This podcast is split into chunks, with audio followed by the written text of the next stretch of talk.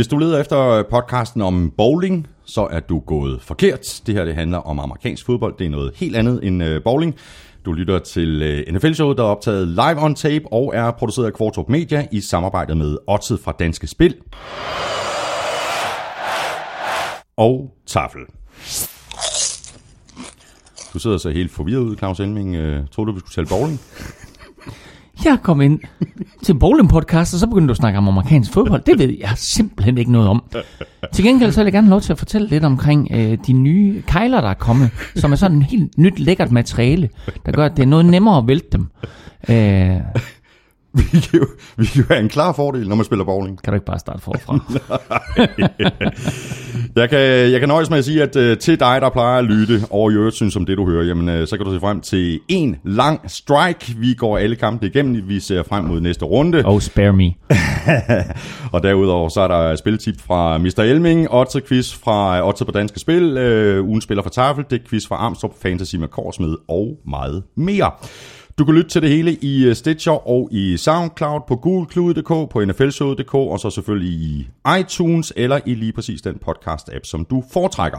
Og så sagde jeg i sidste uge, at vi også er på Spotify. Det er vi ikke endnu. Øh, man skal sende sådan en ansøgning, og det har vi gjort, og det er åbenbart svært for Spotify at forholde sig til sådan en Er, er, er, de, overnight. er de ikke også svenskere? Jo, Jo. Ja, så er man også selv ud om Ja, det er man. Nå, svært øh, er det derimod ikke at skrive en øh, anmeldelse i iTunes. Det er der 229, der har gjort. Tak for det. Det betyder så, at der er cirka 12.000, der endnu ikke har skrevet en anmeldelse. Det tager sådan cirka 5 minutter, og det hjælper os i forhold til at ligge godt placeret i iTunes, så det kunne du måske lige overveje. Og så hjælper det os øh, selvfølgelig også, hvis du støtter os på tier.dk, eller via det link, der ligger på nflshowet.dk. Det er der 37 ud af 12.000, der har valgt at gøre. Stort tak til de 37, og tak fordi du downloader og lytter og bruger lidt af din tid sammen med os. Jeg hedder Thomas Kvartrup, og her kommer min medvært. Sådan helt officielt, Claus Elmen. Godt at se dig igen. I lige måde. Jeg ved ikke, hvad det her det er. Og vi øh, får svaret Hey. lige Hey. om lidt. Det er fantastisk.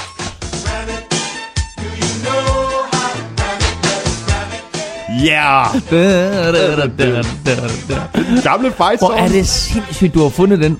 Der var en, der tweetede det faktisk øh, Okay. på, på NFL Shows øh, Twitter. Ah. Jeg kan ikke huske, om det var, der tweetede det. Nå, prøv at, jeg skrev en artikel om den her sang, øh, da Rams de vendte tilbage til Los Angeles. Og fandt det gamle cover. Det er jo så legendarisk cover. med, altså, men ja, det er Rams' gamle, gamle fight song fra sidste år i Los Angeles. Præcis. Og den er ikke engang fra 96, der hvor de flyttede den fra en gang midt i 70'erne. Men den er sådan lidt i, i tråd med 49ers fight song, og også øh, øh, San Diegos øh, Chargers. Ja, de, jeg tror, de, de må være skrevet på nogenlunde samtidig. Så kom, så kom en eller anden trend på et tidspunkt der, men nu skal vi have en eller anden fight song, ikke? Du ved, så der er, og Dolphins også, den der Miami Dolphins. Nå. Nå, den hiver vi fat i. vi skal lige høre det her.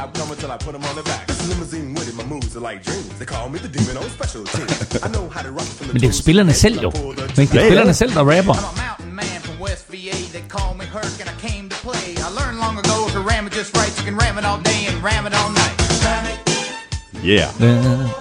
a mountain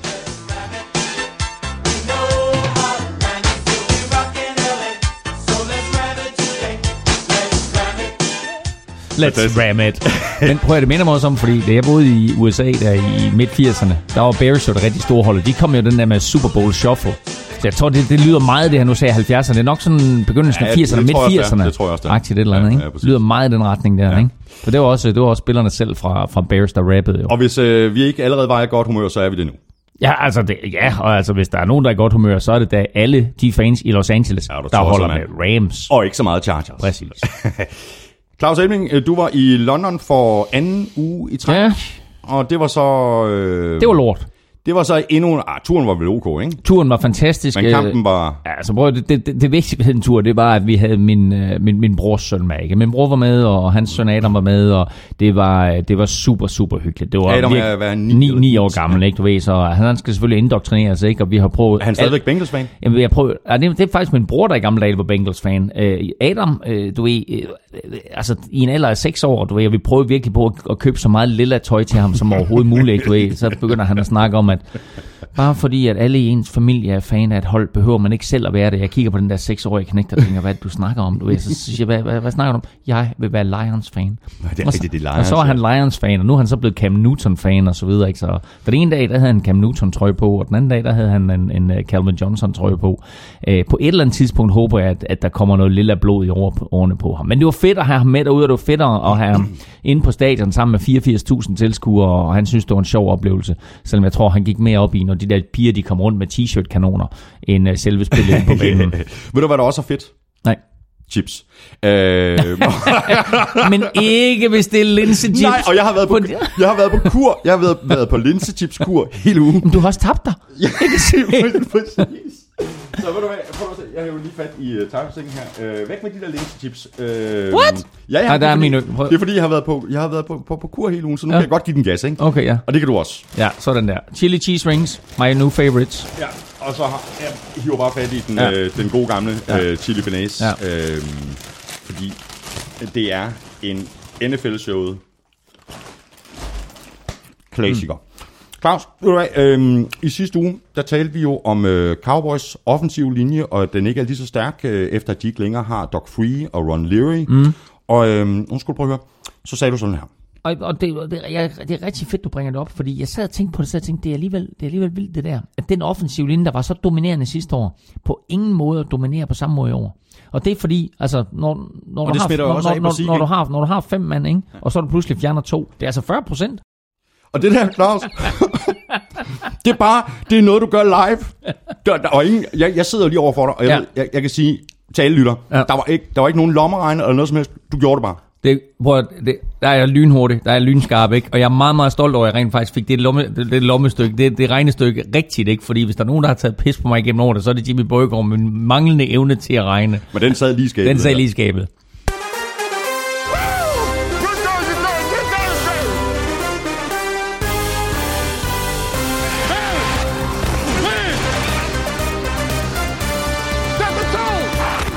En fjerdedel inde i sæsonen er der nu kun et hold, der er ubesejret, og det er Kansas City Chiefs. Rams ser overraskende gode ud, mens de forsvarende mestre fra Patriots har skuffet, og det skyldes især deres forsvar.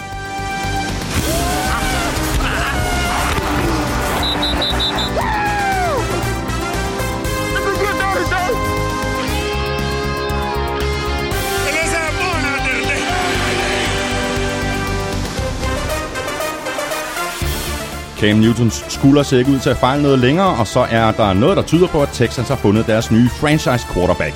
Men hvad er det lige, der sker for Giants og Chargers? Vi dykker ned i det hele i de næste par timer. Jeg hedder Thomas Kvartrup, og med mig har jeg Claus Elming.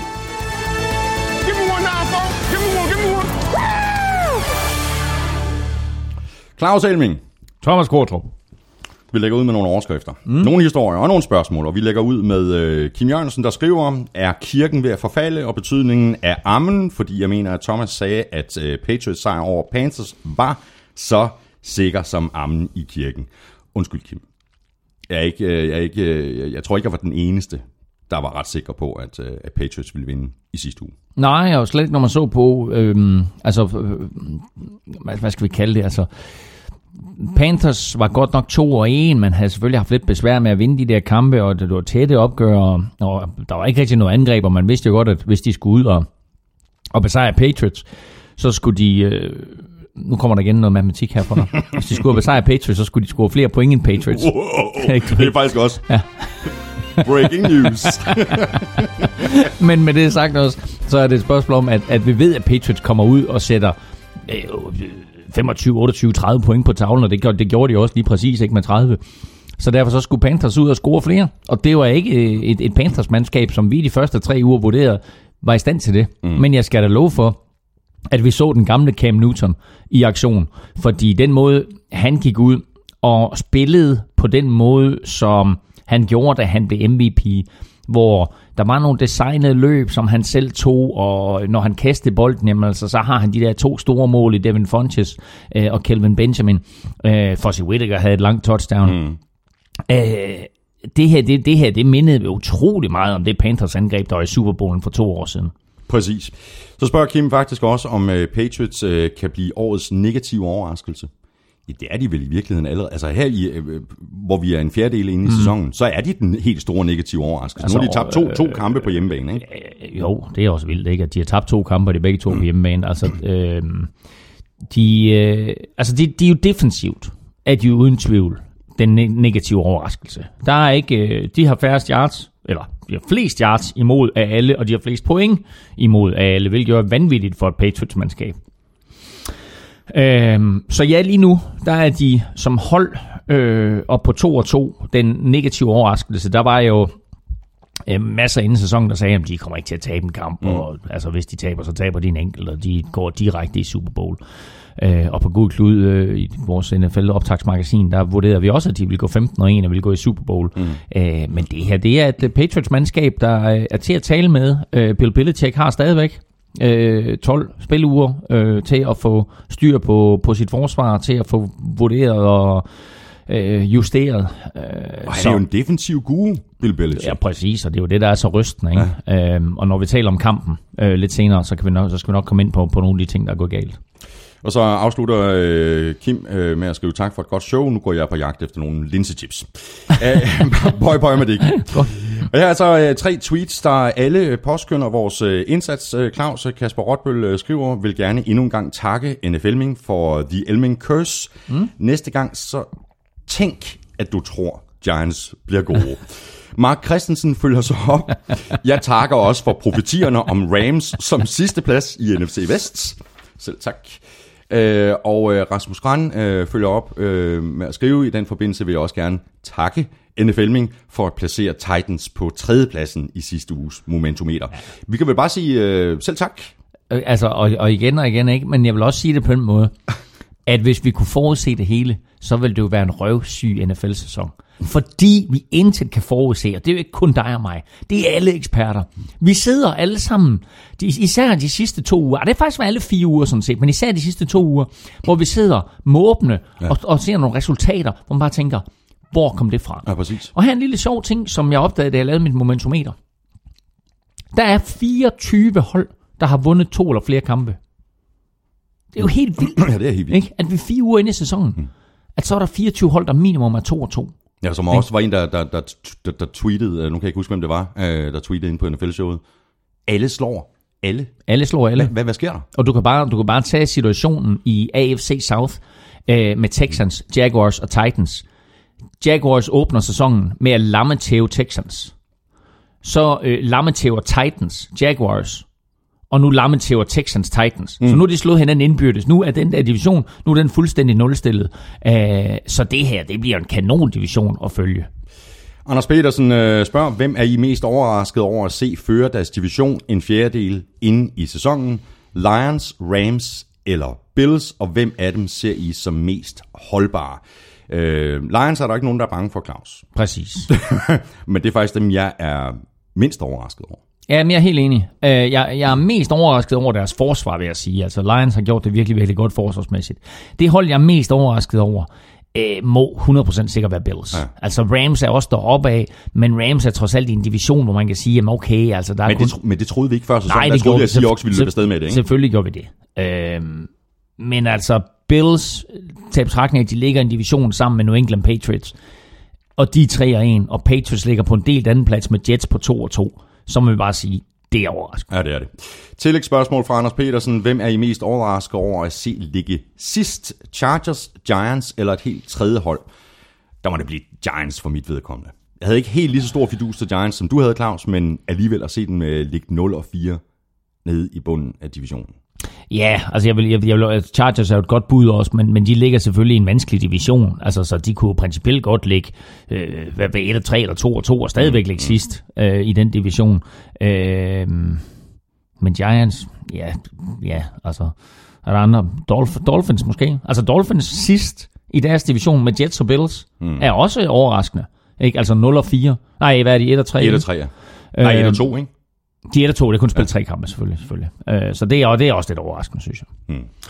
Så lad os bare få øh, nogle af skaderne af vejen, Claus. Øh, der landede nogle alvorlige af slagsen i sidste uge. For eksempel hos dine Vikings. Øh, Dalvin Cook ude for, for, for sæsonen med en mm. korsbåndsskade. Det er et kæmpe slag, det her for Ja, det er, Vikings. det er et kæmpe slag, og det er også øh, brutalt for Vikings, ikke, at de for andet år i træk mister både deres startende quarterback og startende running back øh, inden for de første fire spilleuger. Mm. Øh, Sam Bradford kommer måske tilbage. Øh, Case Keenum har faktisk ikke gjort det specielt dårligt, så, så, så det har været okay.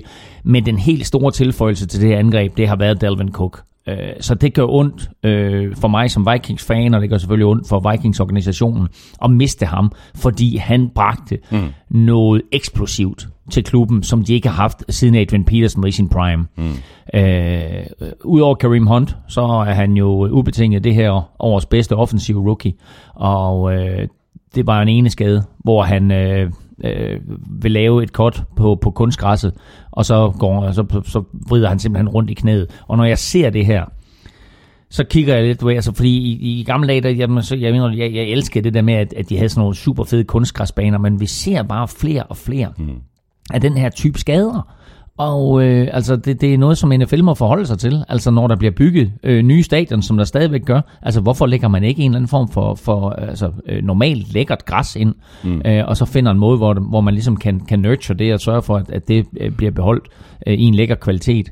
Øh, jeg ved godt, det er nemmere, øh, og du ved, at det er nemmere i forhold også til alle, alle mulige andre stadionarrangementer, at man har kunstgræs derinde. Mm. Men det her, det er bare en katastrofe. Og det er bare det, det, det er underligt, fordi endnu en gang, så har vi sådan en solulykke, ikke? Og det er mm. bare tit dem, der er rigtig slemme. Ja, Altså, Ja, i, og, i, og, det, og det var også derfor, at, at det amerikanske tv-selskab, der producerede kampen, at de fokuserede på Teddy Bridgewater på sidelinjen, mens man så Dalvin Cook lå inde på banen, fordi Teddy Bridgewater jo selv sidste år kom til skade, godt nok i træningslejren, men det var også en soloulykke, hvor han bare trækker tilbage stille og roligt i en, en træningsøvelse, hvor der ikke engang er nogen defensive lineman, der lægger pres på ham. Bryder rundt på knæet, ganske, ganske alvorlig skade, som var tæt på at koste ham en amputation så får de heldigvis reddet øh, blodomløb og nerver og så videre, og nu er der da begrundet håb om, at han faktisk allerede i den her sæson øh, kommer tilbage på banen, eller i hvert fald tilbage i, i udstyr. Øh, så derfor, da Dalvin Cook han ligger derinde, så er der altså fokus fra kameraholdets mm. side, ikke? altså fra producerens side, på at øh, der går Teddy Bridgewater, hvad går der igennem hovedet på ham lige nu? Og til en øh, anden quarterback, øh, Raiders, øh, de er igen uden øh, Derek Carr. Øh, heldigvis ikke for resten af sæsonen. Øh, han gik ud med en, en rygskade, og han vurderes til at skulle sidde ude øh, to til seks uger, men det er også alt rigeligt. Ja, og der har været en masse røgslør fra Raiders omkring, hvad den her skade gik ud på. Altså, øh, først så var det bare, at øh, han havde en eller anden form for voldsom hold i ryggen, og så var det, at han havde fået knæ i nyeren, og øh, det forårsagede øh, noget ondt i ryggen. Øh, angiveligt, så har han altså brækket, øh, og jeg ved ikke helt, hvad det er, øh, men han har brækket en eller anden knogle i ryggen. Mm. Altså det er selvfølgelig ikke et, et brud på rygsøjlen eller noget, men altså en af, en af, måske en af de knogler, som, som sådan sidder på siden af rygsøjlen der, som han har brækket. Og øh, han er, som du siger, øh, minimum ude i to uger, måske op til seks, og lad os nu se, øh, når det endelig kommer frem, hvad det er, der er galt med ham, om, det, om de nøjes med seks uger. Nikolaj øh, Tejlsø øh, supplerer øh, på Twitter med Derek Carr ude på grund af en skade, så kunne man måske se Kaepernick få chancen i Raiders. Det tror jeg så ikke på. Nej, det tror jeg heller ikke på. Altså, han passer slet ikke ind i det system. Øh, Og heller ikke, når det er for så kort en periode, altså to til seks uger, og de har EJ Manuel, øh, Ja. tidligere øh, første runde valg for Bills, ikke? jo, som deres backup quarterback nu. Og når vi taler Kaepernick, så vil jeg gerne, når det sådan, at vi taler... Du har vel nærmest en, en, en ny quarterback-skade på vej. Har du ikke det, Mariota? Fordi der synes jeg, vi skal tale Kaepernick. Ja, præcis, og det, øh, der, der, der tweetede Carsten Jørgensen, uh, Titans henter Whedon, Kaepernick er stadig arbejdsløs, hashtag what the fuck. Præcis. Og, og da, da, da Mariota han bliver skadet, der tænker jeg omgående, hvis der er et system, hvor Kaepernick han passer ind i, så er det da Exotic Smash Mouse mm. med...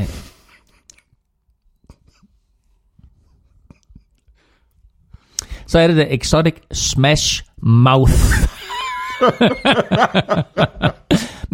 Den der, den er så sikker som, som Amli-kirken, Det faktisk. er bare svært at sige Smash Mouth hurtigt. Smash, smash. Jeg vil godt have en smoothie.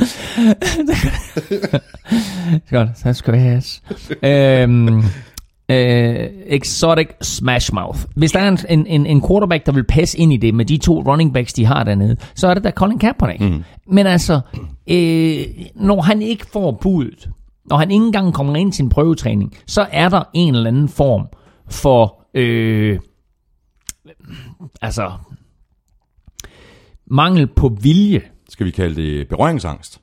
Berøringsangst er et virkelig godt ord. Mangel på vilje til at tage ham ind og tage chancen og se, hvad det medfører af reaktioner mm. fra fans.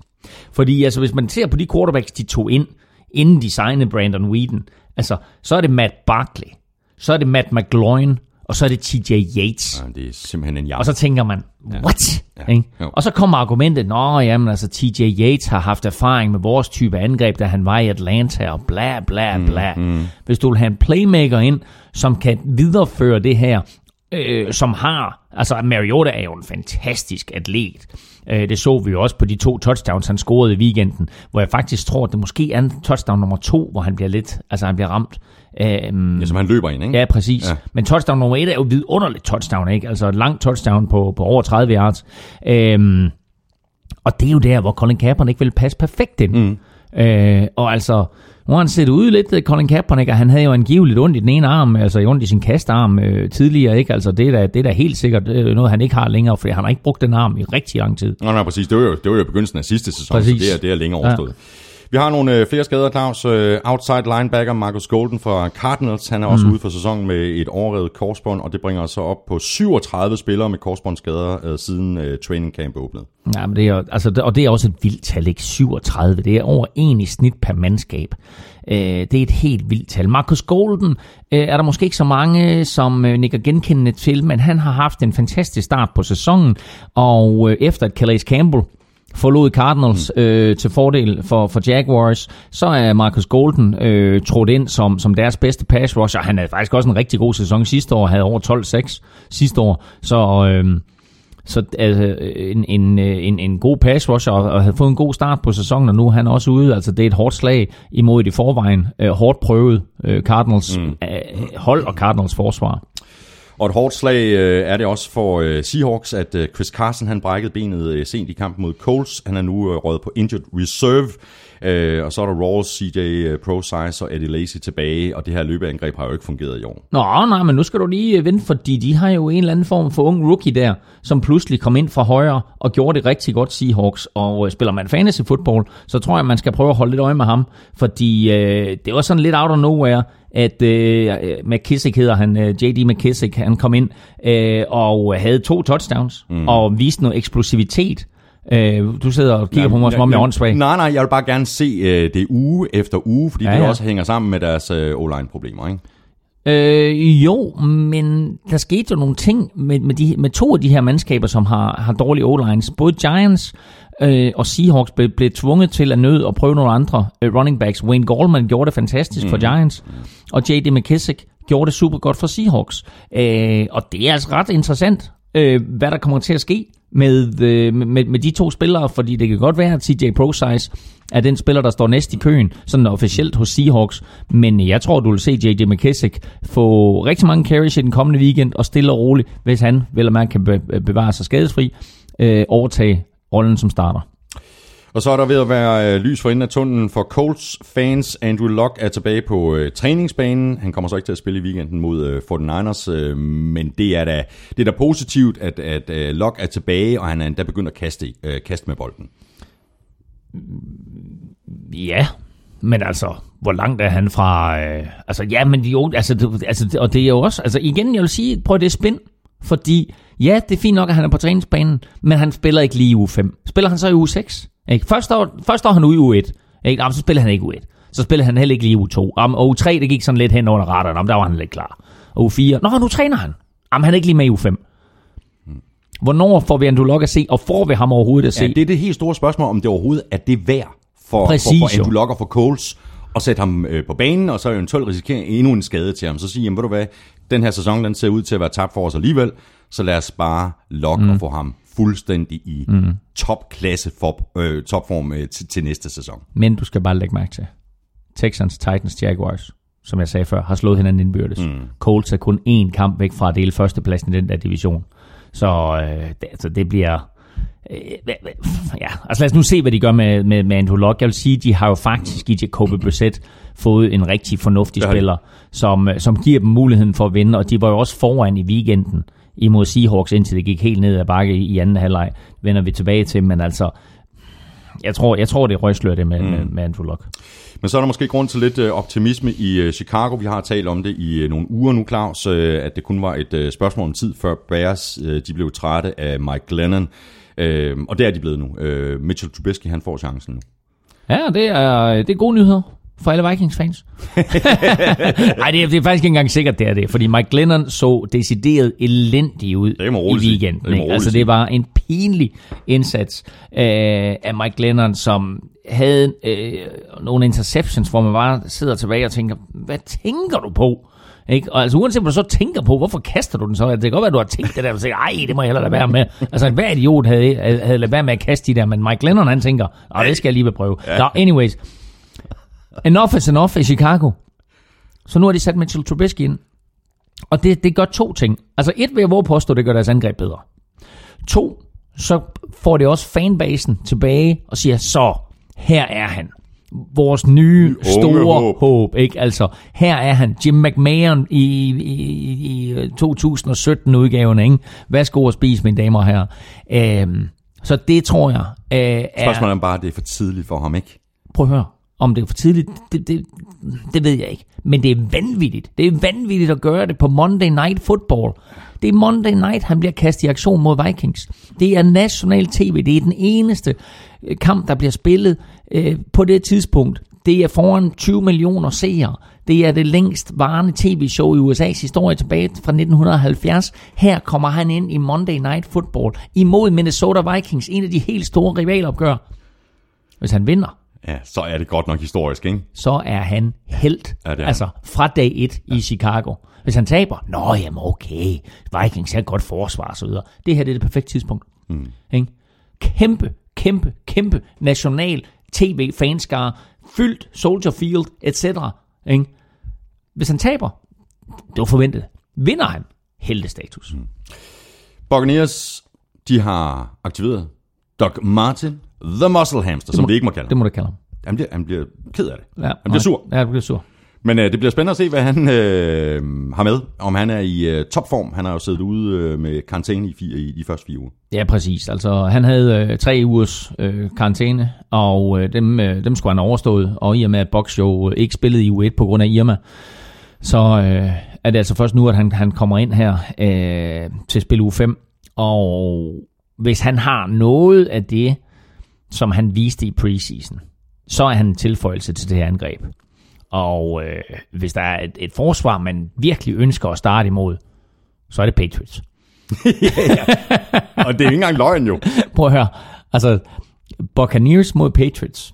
Sønd, eller ikke søndag, torsdag. Det, er altså i aften i nat. Mm, mm. Det, prøv at høre, det er jo sindssygt, vi sidder og tænker på. Du, ved. den, har- kan, hvem- den kan Box godt vinde jo. Ja, det kan de sagtens. Hvem har du i picks? Skal vi vende med det? Ja, vi venter med det, men, men jeg har Box. Jamen, øh, apropos øh, Box, øh, så har øh, Christoffer Harbo øh, Hansen øh, skrevet her, øh, nu har Box safety TJ Ward også været ude at sige, at han hader at spille Thursday Night Football. Han er jo ikke den øh, første med den kritik, men tror I virkelig, at NFL nogensinde vil droppe den kamp? Jeg tænker, at det er fuldstændig hovedløst at spille de kampe. Det resulterer ofte i dårlige kampe og øger risikoen for skader. Øh, spørgsmålet, om NFL nogensinde dropper Thursday Night Football? Nej, Nej. det gør de ikke. Nej, altså NFL går så meget op i spillersikkerhed, men de går endnu mere op i penge. Og det her, det er bare money in the bank. Det er en ekstra øh, dag, hvor man kan vise NFL-fodbold i fjernsynet, og rettighederne til kampen er solgt til tv-selskaber, er sågar også solgt til Amazon, som øh, viser dem live. Og jeg lige ved at tro også, at Twitter faktisk også er inde over stadigvæk i år. Øh, så der er altså mulighed for at, at, at se fodbold lidt over det hele. Øh, dårligere kampe? Det ved jeg ikke. Vi har haft nogle virkelig fede torsdagskampe indtil videre. Ja, i forrige uge, for sæsonen. eksempel. I forrige uge mellem øh, 49ers og, og Rams, ikke? Altså, øhm, ja, det, altså, Men det er jo rigtigt nok, historisk set har, har Thursday Night-kampen ikke Ja, været, været, været specielt god. nej, men jeg synes faktisk også, at der har været nogle federe kampe indtil videre i år, end der måske plejer at være. Øhm, den sidste ting, jeg vil sige, det var, ja, det er jo røvsygt at spille søndag, og så spille torsdag bagefter. Men når du så har spillet torsdag, Så har du 11 dage. Så har du halvanden uge fri. Mm. Og de fleste klubber, de giver altså lige spillerne en forlænget weekend der. Det er en lille ekstra bye week. Og det er der rigtig mange spillere, der sætter pris på. Så det kan godt være, at TJ Ward han er træt af det i dag, at han skal spille i nat, og han lige spillede i søndags også. Men i morgen, der er han en glad mand. Family time.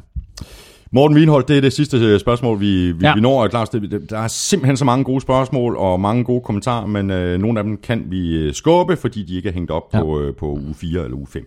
Øh, Morten Wienholdt øh, skriver, når Claus med rette efterlyser en hårdere sport med flere hits, er det så ikke også nødvendigt med strengere straffe, når spillere går langt over stregen, som det skete i kampen mellem Packers og Bears i torsdags? Bears Danny Trevathan ramte en forsvarsløs Packers receiver hjelm til hjelm, længe efter spillet var dødt. Øh, Jeg ved godt, jeg sidder med ostefarvede briller på, men uha, jeg synes, at den var grim. Og nu sidder du og kigger underligt på mig. Jamen, prøv, altså, jamen, jeg ved godt, det her, det er nok politisk meget lidt korrekt. Men jeg synes, at det var et godt hit. Og jeg synes, at problemet her er, at jeg ved godt, at NFL's regler siger, at det er den taktende spiller, der har ansvaret for, hvor han rammer. Men det her, det går så stærkt. Ja, det ser vildt ud i langsom gengivelse. Men prøv lige at se den i normal tempo. Da Adams griber bolden. Der er ikke fløjtet. Han er ikke nede. Han har lige spundet ud af en takling. Han kan godt spænde ud af en mere. Så kommer Danny Trevathan ind. Jeg siger det igen. Fløjten har ikke lyttet. Han må godt lave det hit. Og så, Men så han lægger lave- han klar, lad mig lige fortsætte, så lægger han klar til at lave det hit. Og da han rammer da, øh, Davonte Adams, så bukker Davonte Adams sig ned i knæ. Og så i stedet for at ramme ham i brystkassen, så rammer han ham i hovedet. Det går så stærkt. Og så er det Danny Trevathan, Danny Tre... Sm- Smash Mouse. Danny Trevathan, smash mouth. Så er det Danny Trevathan, som først bliver straffet, og dernæst får to spilledags karantæne. Efter en appel er den så blevet nedsat til en spilledag. Mm. Øh, meget interessant. Så er manden, som foretog den her nedsættelse fra to spilledage til en dag, det, det er den tidligere linebacker Derek Brooks. Så om nogen kan han jo sætte sig ind i, hvor stærkt det her det går. Jamen, det er der hvor, ikke hvor, nogen, der er hvor, om. hvor hurtigt spillet er. Det er der ikke nogen, der er i tvivl om. Og jeg går også, jeg, jeg er all for it. Mm. Øh, hårde taklinger og så videre, og ja, og han er, han, øh, der var til Adams, øh, er nede i knæ og mm. sænker hovedet og dermed mm. hjelm. Men Trevathan kommer jo med, med toppen af hjelmen Nej, først. Er han det ikke? gør ikke.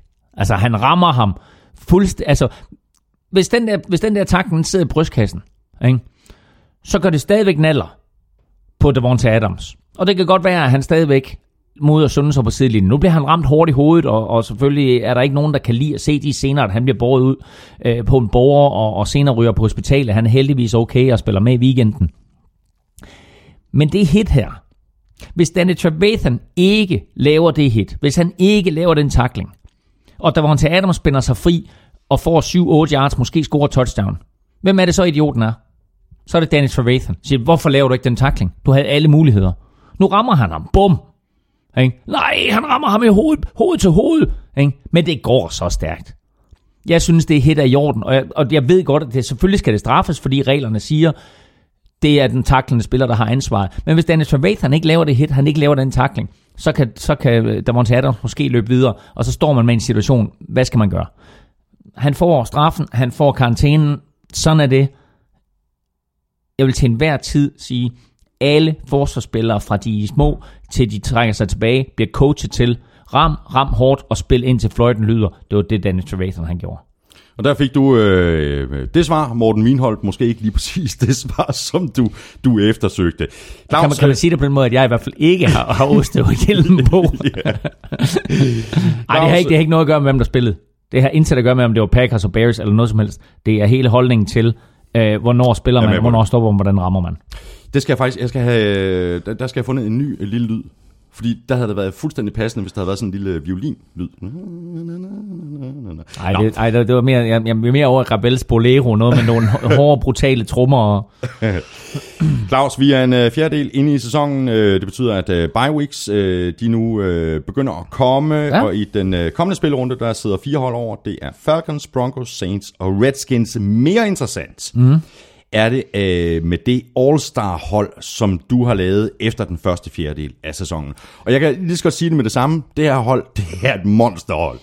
altså, jeg kiggede på, på de første fire spilleuger, og normalt på det her tidspunkt, så har alle mandskaber jo spillet fire kampe, men øh, i og med, at øh, Dolphins og Bucks, de sad over den første spilleuge, så har de jo altså kun spillet tre.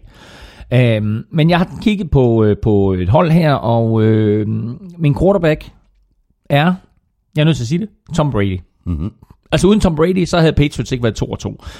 Og øhm, han har faktisk også blevet kåret til NFL's ugenspiller to gange her de første fire uger. Så han får øh, quarterbacken. Så to running backs. Rookie, Kareem Hunt, er vi nødt til at tage med. Ja. Og så vil man bare sige, og det der var Todd Gurley. Så Todd Gurley kommer med. Jeg har valgt øh, tre receiver. Det er Larry Fitzgerald. Men det er rigtigt. Han skal Ja. være med. Prøv at høre, gamle mand. Ikke? Nu kæft for han god, mand. Ja, prøv bare i sidste uge, ikke? Ah. I sidste uge, der spiller han to kampe. Han spiller mandag, han spiller søndag. Mm. De to kampe, der har han 17 catches.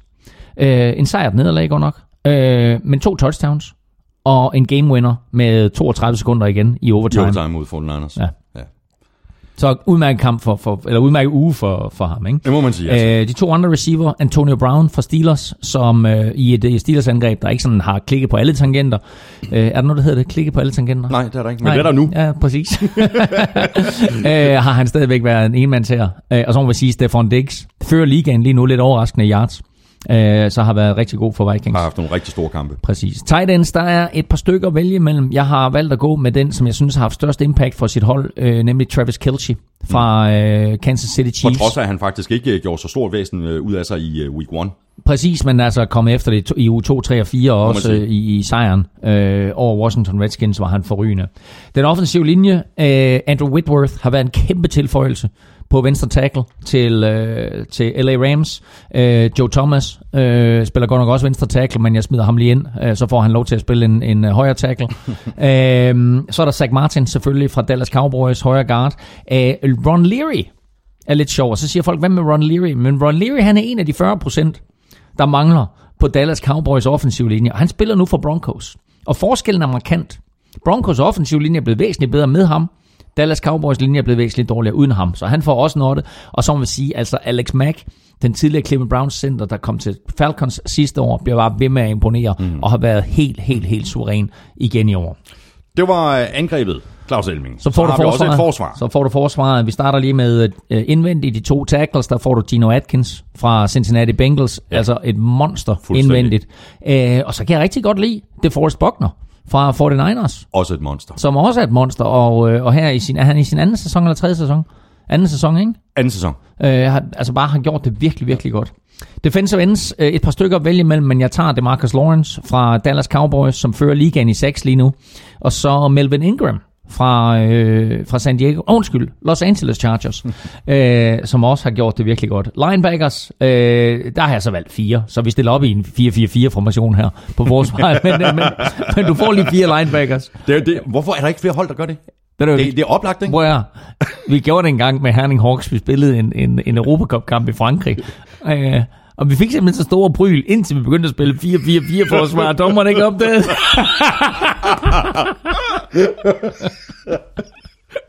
Vi sætter lige en ekstra mand ind. Det Ja, præcis. Nå.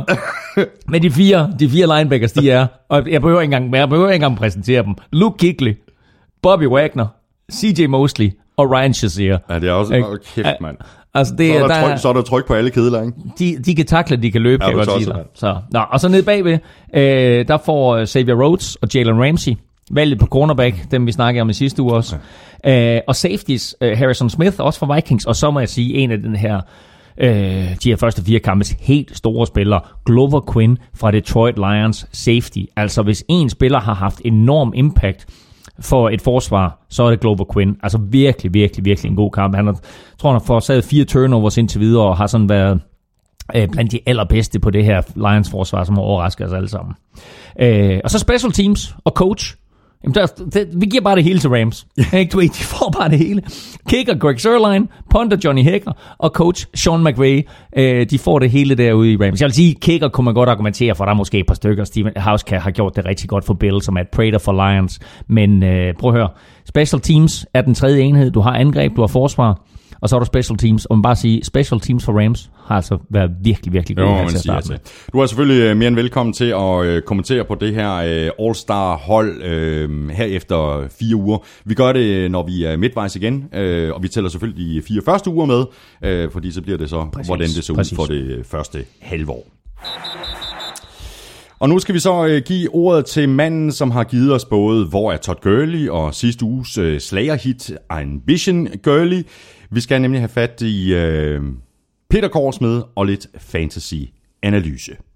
Tak for ordet, Thomas. Øh, jeg må indrømme, at jeg er gået hen og blevet en, øh, en smule deprimeret over den verden, øh, vi lever i. Jeg kunne nævne massakren i Las Vegas, uroligheden i Katalonien, orkanen i Puerto Rico, og så det faktum, at landmand søger kærlighed for fjerde sæson ruller over skærmen netop nu. Derfor har jeg også opsøgt et regulært happy place i form af spillehallen Al Capone i Kolding, hvor jeg lige nu fornøjer mig med at brænde spareskillinger af i jagten på den helt store jackpot. Og apropos usandsynlige gevinster, så vil jeg i denne uge fremhæve et par Desperado-spil til de allerstørste gambler her op mod spil uge 5. Andre Ellington han er begyndt at lugte af en okay PPR-løsning. Nok er Chris Johnson den øh, startende running back hos Cardinals, men han er altså gået fra at være CJ2K til at være CJ2 yards per carry. Cardinals de har generelt rigtig svært ved at løbe bolden uden superstjernen David Johnson, og det fører altså til en masse korte kast til Andre Ellington. Og her er han altså ret god. Ellington han er på ingen måde en, en sikker garant for et fornuftigt afkast, men der skal jo altid være en, som rammer syv rigtigt i lotto. Hos New York Jets er der cirka lige så mange fantasy-stjerner, som der er millionærer her på Al Capone Calling. Men hvad gør det, når Jets i spil uge 5 står over for Cleveland Browns? I de første fire spiluger, der har Browns tilladt fire touchdowns og 22 grebne bolde til det frygtindgydende firekløver bestående af Jesse James, Benjamin Watson, Jack Doyle og Tyler Croft. Wow. Browns er cirka lige så gode til at dække Titans op, som Casino er til at forebygge ludomani. Og derfor kunne man altså godt fristes til at starte Austin Safarian Jenkins. Han har hævet ni bolde ind på 10 targets i løbet af de seneste to runder. Og det er så svært at finde stabile fantasy starter på tight end positionen lige nu. Er du tilpas modig, skråstrej desperat, så kunne Safarian Jenkins være et frisk bud på en starter. Men jeg må løbe igen, Thomas. Øh, jeg har lavet mig fortælle, at der lige om lidt bliver serveret øh, cowboy toast og citronvand ad libitum. Og er der noget, jeg ikke kan stå for, så er det da kombinationen af bløde løg og en fuld plade på en nummer. Mit navn er Peter Korsmed, og jeg er Danmarks bedste og eneste fantasy-korrespondent. Ja, og mest forkølet fantasy Han lød, han lød en del, han lød en, en, en, lidt nottet. Prøv at bede ham om at se Smash Mouth. ja, præcis. God bedring Korsmed. Øh, lækker baggrundsmusik i øvrigt på Al Capone i, i, i Kolding. Ja, jeg kunne genkende den. Ja, ja. Ambition Girlie, da, da, da. Kunne du finde på at starte en tight end fra, fra Jets, Claus? I fantasy? Nej, det kunne jeg ikke. Men øh, jeg vil sige, at øh, ham med Croft fra Bengals, han, øh, han har gjort det rigtig godt. Så hvis han stadigvæk er på, på waiver wire, hvis man spiller fantasy, så skal man... To touchdowns til ham. Øh, Præcis. Og han hedder også Tyler, ligesom øh, Eifert, men... Øh, Tyler Croft. Tyler Croft. Øhm, der er faktisk et, øh, et tweet øh, i forhold til øh, fantasy. Det er Stal Hotster. Jeg ved ikke lige præcis, hvordan jeg, jeg udtaler det. Øh, men jeg forsøgte i hvert fald. Øh, der skriver, hvordan klarer man sig egentlig emotionelt igennem en 0-16 fantasy-sæson? Jeg er 1 3 nu, og er ved at gå op i limningen. Jeg tror, det er et spørgsmål til dig, Claus Hønning. Det går noget... Nå, ja, men altså for dem, der ikke har fulgt med, øh, så vil jeg lige sige, jeg tror faktisk, jeg er 2 og 2 i år. Øh, men, øh, også. men jeg, var, jeg, jeg, gik- jeg gik 0 og 16 sidste år. Det var, det var, det var en pinlig sæson. Øh, men øh, øh, jeg, altså, jeg vil sige det på den måde. Det vigtigste, som jeg synes, det er, at når man er med i en liga, så har man ansvar også for at stille hold, og trods alt gøre sit bedste. Mm. At det er så lige meget, om jeg gjorde mit bedste sidste år, og jeg tabte. Men det der med, at du ved, hvis man sådan går 0 og 7, øh, og så siger, ah, så fuck it, du ved. Altså, man har et ansvar for at, at sørge for at få stillet hold Præcis. Præcis. til hver uge. Så, så, så gør det uanset hvad. Der har vi et øh, andet tweet, øh, det er fra Morten Jacobsen. Han øh, spørger, kan det lade sig gøre at få den fantastiske Todd Gurley-sang som ringetone, både den originale og tyske versionen? Vi er mange, der ønsker den. Og ja, det kan det godt. Det skal jeg lige have kigget på og, og få, få, få lavet de her to, øh, to mega-hits fra, fra Peter Korsmed om til, til ringetoner. Øh, og du kan i øvrigt følge Korsmed på Twitter på snabelag Korsmed. Vi skal have quizzen. Åh, Det er tid til quiz, quiz, quiz, quiz, quiz. Claus Elming, vi er øh, tre kvarter inde i øh, dagens udsendelse, og vi er ikke nået til kampen endnu. Nej. Men øh, nu skal vi lige have sat de her quizzer i gang, ikke? Ja, prøv at høre, ja, og jeg vil sige, jeg havde så mange gode quizzer til dig. Jeg har skubbet en af dem til næste uge, fordi det godt kan lade sig gøre. Men, og, jeg, og, og, og, og, og, og, der kommer også, der, det får du først at vide næste uge. Øh, Hvad hedder det? Og der kommer også, der kommer også en lille ekstra quiz her, her midt i, i udsendelsen. Øhm, mind mig om det, når vi kommer til Rams. Jeg har en lille ekstra quiz til dig. Okay. Øhm, men nu får du den her quiz. Og det er, at øhm, en af de absolut øh, mest spændende, fantastiske kampe, som vi skal se i den her weekend, som jeg glæder mig utrolig meget til, det er Houston Texans mod Kansas City Chiefs. Yes. Uh, de mødes søndag nat. Øh, det er faktisk to nye klubber i NFL-sammenhæng. Øh, så siger du, what? Men, øh, men det er det faktisk, fordi... What? What? Texans er fra 2002, og Chiefs blev faktisk først en del af NFL i 1970. Øh, og her kommer så øh, spørgsmålet, og der er en 2-3 point at hente. Øh, To-tre point. 2-3 point at hente. Det lyder lidt løst. Ja, præcis, den kommer her. hvad, hvad hed det tidligere hold i Houston?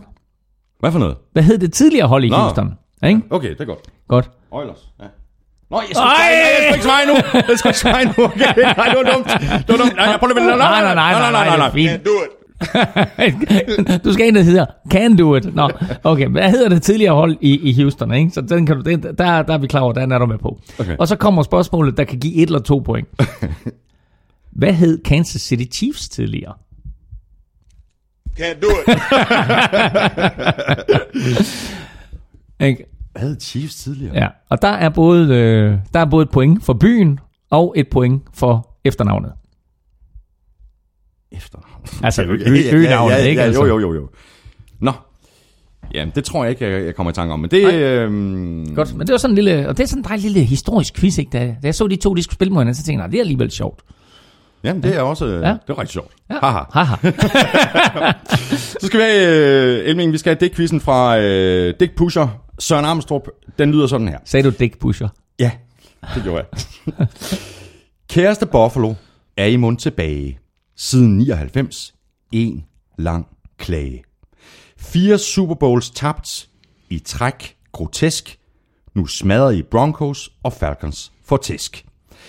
Kære Buffalo, ambition Buffalo. I tvinger en longtime fan til at rime på Mark Ruffalo. What? Tyrod, du er ikke Jim Kelly. Vi vil se tårer, sved og blod. Og Elming, hvem er der efter fire uger scoret færrest point imod? Og så beder Armstrong om en top 3. Jeg vil godt lave det om til en top 5. Okay, Fordi det er en klassisk NFL, øh, NFL-show top 5. Ikke? Ja. Hvem er der scoret færrest point imod? okay, så for en gang skyld, der kan jeg simpelthen score 5 point i quizzen. Det kan du. Ja. En 4-5 point. Ja, faktisk, hvis det er normalt top 5, så er der faktisk en helt op til en 7-8 point i hvert fald. Og du kan øh, også følge Armstrong, og det kan du på øh, Twitter på snabelag Doc Armstrong.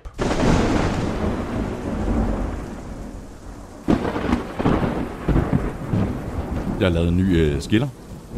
Det var fordi, at øh, vi havde jo en, øh, en, en afbrydelse af Thursday Night-kampen. Nå ja, det er rigtigt, ja. Mellem øh, Packers og Ja, Bears, som blev ja, afbrudt ja, øh, ja, i, ja, ja. i 47 minutter på, på grund af, af risiko for, for ja. lynnedslag. Øhm, og der må man vel sige, at den lille pause, den var god for Bears. Altså, de, de, de taber kampen med 35-14, men de havde ikke været i stand til at sætte en, en, en prop i det her Packers-angreb i, i hele første kvartal. Øhm, det, det er de fleste, de taler om øh, efter den her kamp. Øh, og som vi så også har talt om, det var det her hit fra, fra Danny Trevathan. Øh, Ved du, hvad, hvad, hvad, hvad, hvad vi skal tale om? Vi skal også tale om, at det her, det var en, det her, det, det er et, et opgør, som daterer sig helt tilbage til 1920. Det er det ældste rivalopgør i NFL, og de plejer faktisk, uanset om det ene hold er stærkt og det andet hold er skidt, så plejer de faktisk at spille nogle rimelig jævnbyrdige opgør. Mm. Men det her, det var en sejr, der var pakket ind i gavepapir og med et lille bånd på og en sløjfe, og hvor der bare stod fra Mike Glennon til Green Bay Packers. Fordi det her, det var den kamp, hvor Bears efterfølgende ikke havde noget valg. Vi skal spille Mitch Mitchell. Han hedder, man ikke kalde ham Mitch. Mitchell Trubisky, fordi Mike Glennon var forfærdelig. Fem Øh, interceptions og fem fumbles i fire kampe. Ja, og, og altså, som jeg nævnte tidligere, de her interceptions, han kastede mod Green Bay Packers, det var jo forfærdeligt at se på. Mm. Altså, normalt så plejer man at sige dumme interceptions, men der er nogle interceptions, ikke? Altså, hvor bolden måske bliver slået op af en receiver, eller hvor man måske prøver på at, at presse et, et dybt kast ind, eller et eller andet, ikke? De her interceptions, han kaster, de er forfærdelige. Ja, det er de. Altså, der er ikke, der er ikke, øh, altså, der er større chance for, at det er en Packers-spiller, der griber den, end, end det er en, en Bears-spiller. Og, øhm, og man kan jo ikke, øh, man, man kan jo ikke anklage ham for ikke at have overblikket, fordi han er 4 meter og to høj, ikke? Altså, så øh, han, øh, han står der og kan se ud over det hele, og øh, altså, det er bare, nej, jeg var rystet. Så, så det der, det kan godt være, at du siger, at, at, at Bears ikke kunne stoppe Packers. Det kunne de heller ikke, fordi Bears gav Packers bolden i fordelagtige positioner. Øh, og altså, øh, at det står 14-0 efter første quarter, det er lige så meget mm. på Mike Glennon, som det er på Aaron Rodgers. Ja, fuldstændig enig. Øhm, Ty Montgomery, øh, running back fra, fra Packers, han øh, gik ud med nogle øh, brækket ribben øh, på Packers første drive. Ja. Øhm, og som, øh, jeg tror det var Rich Eisen, der sagde, øh, så er det nu blevet tid til det årlige ritual, hvor Packers de sætter running backs øh, på banen, som ingen nogensinde har hørt om øh, før. Mm. Øh, Montgomerys backup, øh, Jamal Williams, gik ud med en knæskade, og så stod den så på rookien Aaron Jones Præcis. derfra. Ja. Men det er jo der, det er jo der hvor, øh, hvor Packers jo inden sæsonen sagde, okay, jamen altså, vi er klar over, at øh, vi skal have noget nyt blod ind på running back pladsen, og så draftede de jo altså ikke mindre end tre running backs. Og en af dem, det var så øh, Aaron, øh, hvad hedder han? Aaron, øh, Aaron, han Aaron, Aaron Jones. Aaron Jones, præcis. Ikke? Øhm, en af dem var Aaron Jones. Jeg mener, øh, ja, jeg kan ikke huske, det var fjerde eller femte runde, de tog med. Femte runde, tror jeg, det var. Øhm, og pludselig, så er han manden, der skinner løb her. Og han gør det faktisk okay. Han, mm. han, han øh, løber bolden 13 gange og har 49 yards og touchdown. Det er helt okay. Øh, og spiller man fantasy fodbold, altså så samle ham derop. Mm. Fordi øh, det her, det er, det, det er da ham, der bliver omdrejningspunktet nu her. Fordi i første omgang, nå, du ved, så var det ikke så slemt med, med Ty Montgomery, men altså brækket ribben. Ja, det skal, man, det skal man altså ikke, øh, det skal man ikke kimse af. det skal man ikke. Så altså, øh, og, og de er svære at beskytte også. Øh, så øh, altså, når, når han gang kommer tilbage til Montgomery, så, er han, så kommer han til at spille med en eller anden øh, stor vest på og så videre. Øh, så det her, det er, det, det er et hold, hvor, hvor det igen øh, hænger på Aaron Rodgers. Øh, men vi må sige, altså, Men det er så også noget hvis, hvis, hvis, på, hvis der er nogen, der kan leve op til det, så er det Aaron Rodgers. Ikke? Og så må vi bare sige, altså, øh, han havde til tider sidste år lidt svært ved at finde samarbejde med Jordan Nelson. Det har han ikke i år. Nej, altså så nu griber han to touchdowns igen, Jordan Nelson. Jeg tror faktisk, han er den spiller, der har grebet flest touchdowns af alle indtil videre. Øh, og, Og, det det ikke, der på 58 yards, hold kæft en beauty, ikke? Han træder op Ja, ja, ja. i lommen af Aaron Rodgers for at undgå presset, ikke? Og det har, man har bare set det før, ikke? ja. Jamen, I altså, den anden ende, Jordan Nelson, ikke? Præcis. Og så må jeg sige, øh, en spiller, der imponerede mig, øh, det var Randall Cobb. Randall Cobb er tilbage. Øh, han, er så, han blev tredje receiver. Øh, der var til Adams, der blev skadet selvfølgelig, øh, var, var anden receiver. Øh, men selv mens øh, der var til Adams stadigvæk var på anden, Randall Cobb lavede nogle fantastiske spil. Der er et enkelt play, hvor han går op og, og, og nærmest øh, stjæler bolden fra en, en Bears-spiller, der er tæt på intercepten. Øh, så Randall Cobb er tilbage, og det, det giver bare øh, Aaron Rodgers yderligere våben at lege med. Mm. Øh, og så øh, må vi også sige, at øh, Martellus Bennett stille og roligt spiller sig ind i det her angreb. Øh, havde et par vigtige catches også tidligt i kampen, mm. hvor han er med til at føre dem øh, inden for 10-linjen. Øh, så altså, der er nok af våben at lege med for Aaron Rodgers. Aaron Rodgers er jo ikke sådan en quarterback, som, som har en yndlingsreceiver. Man kan også sige, måske øh, er, han, øh, er hans yndlingsreceiver Jordan Nelson, men for Aaron Rodgers, der kører han jo den klassiske. Er hans yndlingsreceiver, det er den frie mand. Præcis.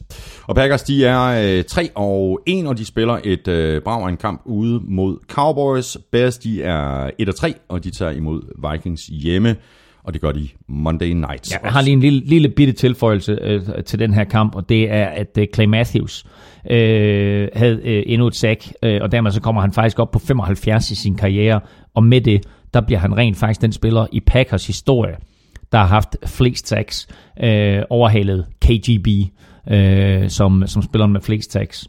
Øh, og så, øh, har, du, har du mere? Nej, men det var, det var, det var det der, det der sack fumble der i, i begyndelsen af kampen, Præcis. kampen der, som, som du taler om, ikke? som også i, i, i den grad sat tonen for, for, for Packers forsvar. Ikke? Jo, og, og, og, og, og det lignede jo faktisk den gamle Clay Matthews. Altså, han, han har ikke helt lignet sig selv de sidste par år, men altså, øh, det, øh, det, det, var, øh, det, det var den gamle Clay Matthews, og nu fik han det der sagt 75. 75. Øh, øhm, en lille ting, jeg lige vil bringe også, det er det her med, at det er det, at det, er det ældste rivalopgør i NFL. Men det betyder også, at det er de to klubber, der har spillet flest gange mod hinanden. Øh, og øh, Packers har vundet 13 af de sidste 15 opgør. Og det siger øh, både noget om begge klubber, men det siger også noget om kontinuitet på quarterback, hvor, hvor Packers bare har haft den her fabelagtige quarterback i Aaron Rodgers, og Bears har haft... Hmm. Ja, præcis. Ja. Øhm, men med den her sejr, der fører Packers nu det interne opgør med 95 sejre imod 94 sejre, og så har de spillet 6 uger gjort. Det er første gang siden 1933, at Packers igen fører det opgør. Det havde da været en oplagt quiz, det der. Den havde jeg aldrig nogensinde... Nej, det ved jeg ikke, om det, er. det, var, det var også for voldsomt. Men er det ikke sindssygt? Åh, det er godt nok. I 33, der førte de 11-10, ikke? Øh, og som er fire uger gjort det. Og siden da, der har Bears været do, do, do, dominerende angreb, eller det dominerende hold, Og nu her, øh, efter 13 ud af 15 sejre, så er Packers tilbage på toppen. Crazy. Noget, der ikke øh, blev så crazy, som man kunne håbe på, det var London-kampen, øh, som blev en øh, ensidig affære. Saints, de vandt øh, 20-0 over Dolphins. Og jeg tror faktisk, vi talte om det sidste uge, Claus, at vi ville komme til at se mindre til Adrian Peterson og mere til uh, rookie running back uh, Alvin mm. Kamara. Mm. Uh, ikke mindst fordi uh, Saints også benytter ham i, i kastespillet. 10 for 71 yards plus 5 for 25 yards uh, på jorden. Uh, og jeg har det sådan lidt... Adrian Peterson er vel nærmest kun på det hold nu, fordi han hedder Adrian Peterson. Og med skaden til Dalvin Cook i Minnesota Vikings, kunne man så forestille sig, at et hold, der har en running back for meget, vil sende den running back til et hold, der mangler en running back. Ja, men, og jeg, men jeg tror ikke, at du vil se lige præcis den kombo. jeg ved det ikke. Der er spekuleret i det fra forskellige folks side. Jeg tror heller ikke på det. Jeg tror, at, at Vikings er forbi Adrian Peterson, men det er jo ikke, Og us- og, men det er jo ikke usandsynligt. Og altså, Adrian Peterson han er jo heller ikke dummere end at øh, fire carries i London øh, for fire yards. Øh, det gider han ikke. Mm. Øh, så han er, han er tredje øh, valg her, øh, hvis endda det. Øh, Mark Ingram, klart første valg på running back, og så må man sige, Alvin Kamara giver dem noget eksplosivitet. Øh, og øh, Adrian Peterson er sådan lidt en afterthought øh, i, i det der. Men, men det jeg vil sige med den kamp her, det er, at øh, Jay Cutler lagde ud som lyn og torden på den første angrebsserie.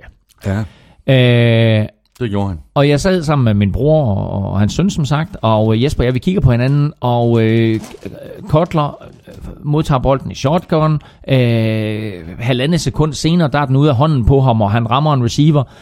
Og det gjorde han en 4-5 gange i træk. Og så på ham og siger, okay, altså når han spiller sådan der, så er han jo simpelthen fantastisk. Øh, Så er han good cuddler. så er han good Cutler. Og det blev så lynhurtigt afløst af bad Cutler, fordi så kaster han en interception i endzonen på det første drive. Som havde taget omkring 8 minutter. Og var det Ned, eneste, 4 linjen ikke? og var det eneste gode drive, Cutler og Dolphins havde hele dagen. Derfra, der havde de intet. Og Saints forsvar for anden uge i træk virkede rent faktisk som et NFL-forsvar. Mm. Øh, det her, det var så pinlig en indsats af Miami Dolphins, at jeg på den her uges momentometer har smidt dem i, spank- i skammekrogen. Øh, derudover, så øh, var Saints øh, angreb effektivt forstået på den måde, at de hver evig eneste gang, de fik bolden, så fik de en eller to eller tre første downs, brugte en masse tid. Angrebene fra Saints varede 6 minutter, varede 8 minutter, varede 4 minutter. Altså der brugt en masse tid. Mm. Og så stille og roligt, sådan på hver anden, hver tredje angrebsserie, så satte de point på tavlen. Og det hele det endte med 20-0 til Saints i en kamp, der ikke bød på ret mange store plays, ikke bød på ret mange wow-momenter, ikke bød på ret mange store hits, bød på øh, æren for de britiske fans og alle os, der rejser til, øh, for at få lov til at se øh, Drew Brees stadigvæk, mens han øh, er blandt de absolut bedste spillere mm, mm. i NFL. Men derudover, så vil jeg sige, Og han kan godt lide at At- kaste, han kan godt lide at kaste til, øh, til, til, til Michael Thomas, ikke? Ja, og Michael Thomas, Michael Thomas var god også, øh, men altså, der var ikke, det var ikke, fordi det var så vanvittigt, øh, som jeg sagde, der var ikke ret mange wow-spil, det var ikke sådan, så der var ikke, der var ikke ret meget, der fik folk op af stolen. Jeg ved også, den amerikanske kommentator, der var på plads i London efter første halvleg, sagde, what a, what a terrible first half of football. Mm. Men jeg vil sige det på den her måde her, for at sige det pænt. Jeg var i parken tirsdag, og se Rolling Stones, Og der var mere fart over dem, eller hvad? Da Mick Jagger han kommer øh, gående ind på scenen og skal præsentere bandet, og han så præsenterer Ron Wood, og Ron Wood han kommer gående ud som en pensionist, der, der lige nøjagtigt kan mande sig op til at gå ud på scenen uden sit gangstativ. Det gik stærkere end det Dolphins, de præsterede hele dagen på Wembley. Hold hæft, hvor var det ringe. Og så vil jeg sige, her kommer der matematik for dig. Så! Kommer der matematik for dig. Rolling Stones var en god oplevelse halvdelen af tiden. Og det er stadigvæk dobbelt så godt, som den oplevelse, jeg havde med den London-kamp. Hvor er det godt! Du lytter til NFL-showet. jeg har lige en uh, sidste lille ting omkring uh, Jay Cutler, Ja, med Claus. Uh, det der Wildcat-spil der, hvor han var sat helt ud ja. Ja. til, til højre, Ja. den solgte han godt, var. Ja, der var det. Han stod bumstille. Ja, det gjorde han. Uh, så øh. Uh, okay, altså ja, jeg forstår ikke helt, hvad det gik ud på. Men uh, altså, Adam Gaze har begyndt at forsvare ham og så videre. Altså apropos, hvis man ikke har set det, så stiller uh, Dolphins op i noget Wildcat, og Cutler skal ud som receiver, og det synes han på ingen måde, at, uh, at han skal stå derude og, og lege receiver. Men altså, og det er pinligt, fordi selv den, ikke? Altså, selv Gør et eller andet. Se ud som om, du skal løbe en rute. Præcis, ikke? Altså, han stillede sig op med, med hænderne i siden og lignede en, der var træt af situationen. En sidste lille note her, og det er, Saints er 2 og 2, og gør det faktisk rigtig godt. Og den der division NFC South, den er jo vanvittigt tæt jo. Øh, og bliver øh, ligesom øh, AFC South virkelig, virkelig spændende at følge. Panthers fører lige nummer 3 og 1 sammen med, øh, sammen med Falcons. Og så er øh, Bucks på 2 og 1, og så er Saints på 2 og 2. Det er altså ret interessant at følge den division der. Men Saints har ikke begået en turnover endnu i de første fire Det kampe. Det er vildt. Så det er, det er ganske imponerende. Det skal vi lige holde øje med, hvor lang tid øh, at de fortsætter med, fordi det kan altså gå hen og blive historisk. Ja, de laver heller ikke nogen i den kommende spilrunde, fordi de er på deres uh, bye week. Præcis. De er, som du sagde, 2 og 2. Dolphins er 1 og 2, og de spiller hjemme imod Titans. Og så øh, videre til et brav en kamp i uh, Dallas, en kamp som Rams vandt med 35-30, og hvis jeg ikke uh, allerede uh, havde gjort det i uh, sidste uge, men så gør jeg det nu. Uh, Rams er, er langt, langt uh, bedre, end jeg havde troet, og Sean McVay virker til at have fuldstændig styr på det her hold. Han er simpelthen kommet med en energi og en gejst, som de ikke havde før. Ja, og, og altså øh, det faktum, at de lige nu er NFL's mest scorende hold, de har lavet 142 point i de første fire kampe, det er jo en gigantisk sviner til øh, den tidligere trænerstab, anført af Jeff Fisher. Yes. Fordi øh, det er næsten det samme talent, de har. Selvfølgelig er der kommet nogle spillere til, øhm, men, øhm, men altså, øh, det her, det er øh, et hold, hvor de to spillere, som i den grad har øh, manifesteret sig som de store stjerner, det er Todd Gurley, og så er det, er vi nødt til at sige, Jared Goff. Mm. Og de var der altså også på holdet sidste år. Ja, okay, så er der kommet Sammy Watkins til, og Robert Woods, øh, og, øh, og Cooper Cup. Øh, så selvfølgelig nogle, nogle nye receiver der. Men generelt set, så det her hold, det er meget lige det, de havde sidste år. Mm. Men Sean McVay er kommet ind, og så har han gjort det, som Jeff Fisher ikke har gjort, og det er, at han har kigget på det her øh, holdkort og sådan sagt, hold da kæft, han fyldte hedder Todd Gurley. Så som jeg husker ham, så var han da egentlig en ret god spiller en forholdsvis god. lad os prøve at aktivere ham. Lad os lige prøve at se, hvordan kan vi få ham i spil. Så det, de har gjort nu, det er, nu har de lavet nogle løb til ham, som fungerer for ham, og han virker jo eksplosiv igen. Den, den eksplosivitet, vi manglede sidste år, den er der jo igen. Fuldstændig som han var i 2015. Og derudover, så kaster de bolden til ham. Rams har kastet et touchdown til Todd Gurley nu, tre kampe i træk. Og det er lidt vanvittigt at tænke på, at han ikke greb et eneste touchdown i al sin tid under Jeff Fisher. Men der har Sean McVay set, okay, jamen altså, hvis vi kan få Gurley ind her, nogle swing passes, eller som han gjorde i weekenden, hvor han faktisk griber bolden en, en 10-15 yards dybt, og så bare med sin fart og acceleration løber fra øh, resten af forsvaret. Øh, så må vi sige, altså, det her det er et angreb, hvor, hvor Sean McVay kommer ind med alt det der offensive talent, og alle de offensive idéer, som han øh, havde hos Redskins, ikke, dem har han ført videre mm. nu her i sin tid hos Rams. Og så må vi vel også bare give uh, credit til, til en anden uh, ny mand i, uh, i Rams, og det er den defensive uh, koordinator Wade Phillips, uh, der fik uh, justeret i pausen, efter at de ikke rigtig havde været i stand til at stoppe uh, Ezekiel Elliott og, og, og Cowboys-angrebet i, i første halvleg. Wade Phillips, altså hvis vi taler om, uh, om Bill Belichick og en defensiv guru og så videre, så kan Wade Phillips altså også sit defensiv kram.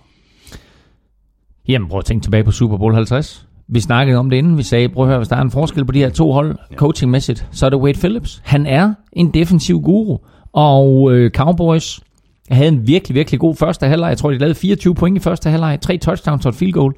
Øh, og Rams havde svært ved at stoppe dem, og, og Rams forsvar har jo faktisk været... Altså, hvis vi skal sige noget negativt om Rams, så er det jo, at deres forsvar rent faktisk har været til at tale med de første mm. øh, fire spilleuger. Lad os sige, de første tre og en halv spilleuge.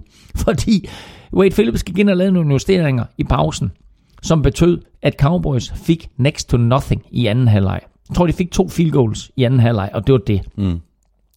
Æh, så, øh, så det her, det, undskyld, nej, de fik selvfølgelig et touchdown. De fik et touchdown og brændte en two-point conversion, jo. Det er rigtigt. Øhm, så, så, så, så Wade Phillips går ind og laver nogle justeringer øh, i pausen, som er med til at give den her sejr til Rams. Og vi vil bare sige, altså den coaching duo, de har hævet ind nu hos Rams med Sean McVay i spidsen, som både er head coach og offensiv koordinator, og som er Wade Phillips til at styre forsvaret, er genial, fordi det er reelt set to head coaches. Og der er også vist, der er vist billeder af Sean McVay, hvor han mens forsvaret inden, der har han lige sat sig for sig selv på en bænk, øh, væk fra sidelinjen, og så sidder han lige og kigger, Nå, hvad er det for nogle spil, vi skal køre nu, og så videre, mm, og så videre. Og det er ikke normalt, en head coach gør det. Men han har sagt, hvis jeg skal være så effektiv og, og kunne optimere mit angreb så meget som overhovedet muligt, så skal jeg lige have den der tid for mig selv. Og der er det jo fedt at have en fyr som Wade Phillips på sidelinjen, som bare siger, Nå, Den klarer jeg. der, der, der styrer du lige det der. Ikke? Ja, ja, præcis. Øh, så skal vi vel også nævne Greg the Leg. Syv field goals. Altså fordi, altså, når, vi, når vi taler kicker her i NFL-showet, mm. så er det som regel, øh, fordi de har brændt et ekstra point, eller øh, brændt et field goal, eller, eller et Ja. eller andet negativt. Ikke? Det, det, det, det er lidt ligesom øh, O-line. Øh, hvis man nævner dem med navn, jamen, så er det fordi, de har begået en eller anden fejl. Øh, Greg the Lake, syv field goals. Det er altså stabilt, og det er så også derfor, han er nomineret til, til ugens spiller i, øh, i den her uge. Præcis. Altså, øh, man kan sige to ting om syv field goals. Man kan sige, fabelagt indsats af kickeren. Man kan også sige, var det der, hvor Rams var en lille bitte smule ineffektiv? Skulle de have haft lidt flere point ud af det? Øh, havde de fået flere point ud af det, så var det måske blevet en overlegen sejr, i stedet for at det blev en tæt sejr nu. Men altså syv field goals øh, af Greg Sørlein var med til at afgøre den her kamp. Øh, og han blev selvfølgelig også kåret til, øh, til ugens special team spiller på NFL.com. Her er quiz nummer to til dig. Tak. Kom så med den. Greg Sørlein er den sjette spiller i historien, der har syv field goals. Hvem er, hvem er den eneste, der har otte? Altså en enkelt kamp. Det bliver et, øh, det bliver et vildt skud. Jeg siger øh, Morton Anderson. Morton Anderson is not correct. Nå, jeg vil give dig et hint. Øhm, hans navn kan udtales ret sjovt, og det har du været vidne til mange gange selv, fordi du har siddet sammen med manden, der har sagt det mere end nogen anden i dansk tv's historie.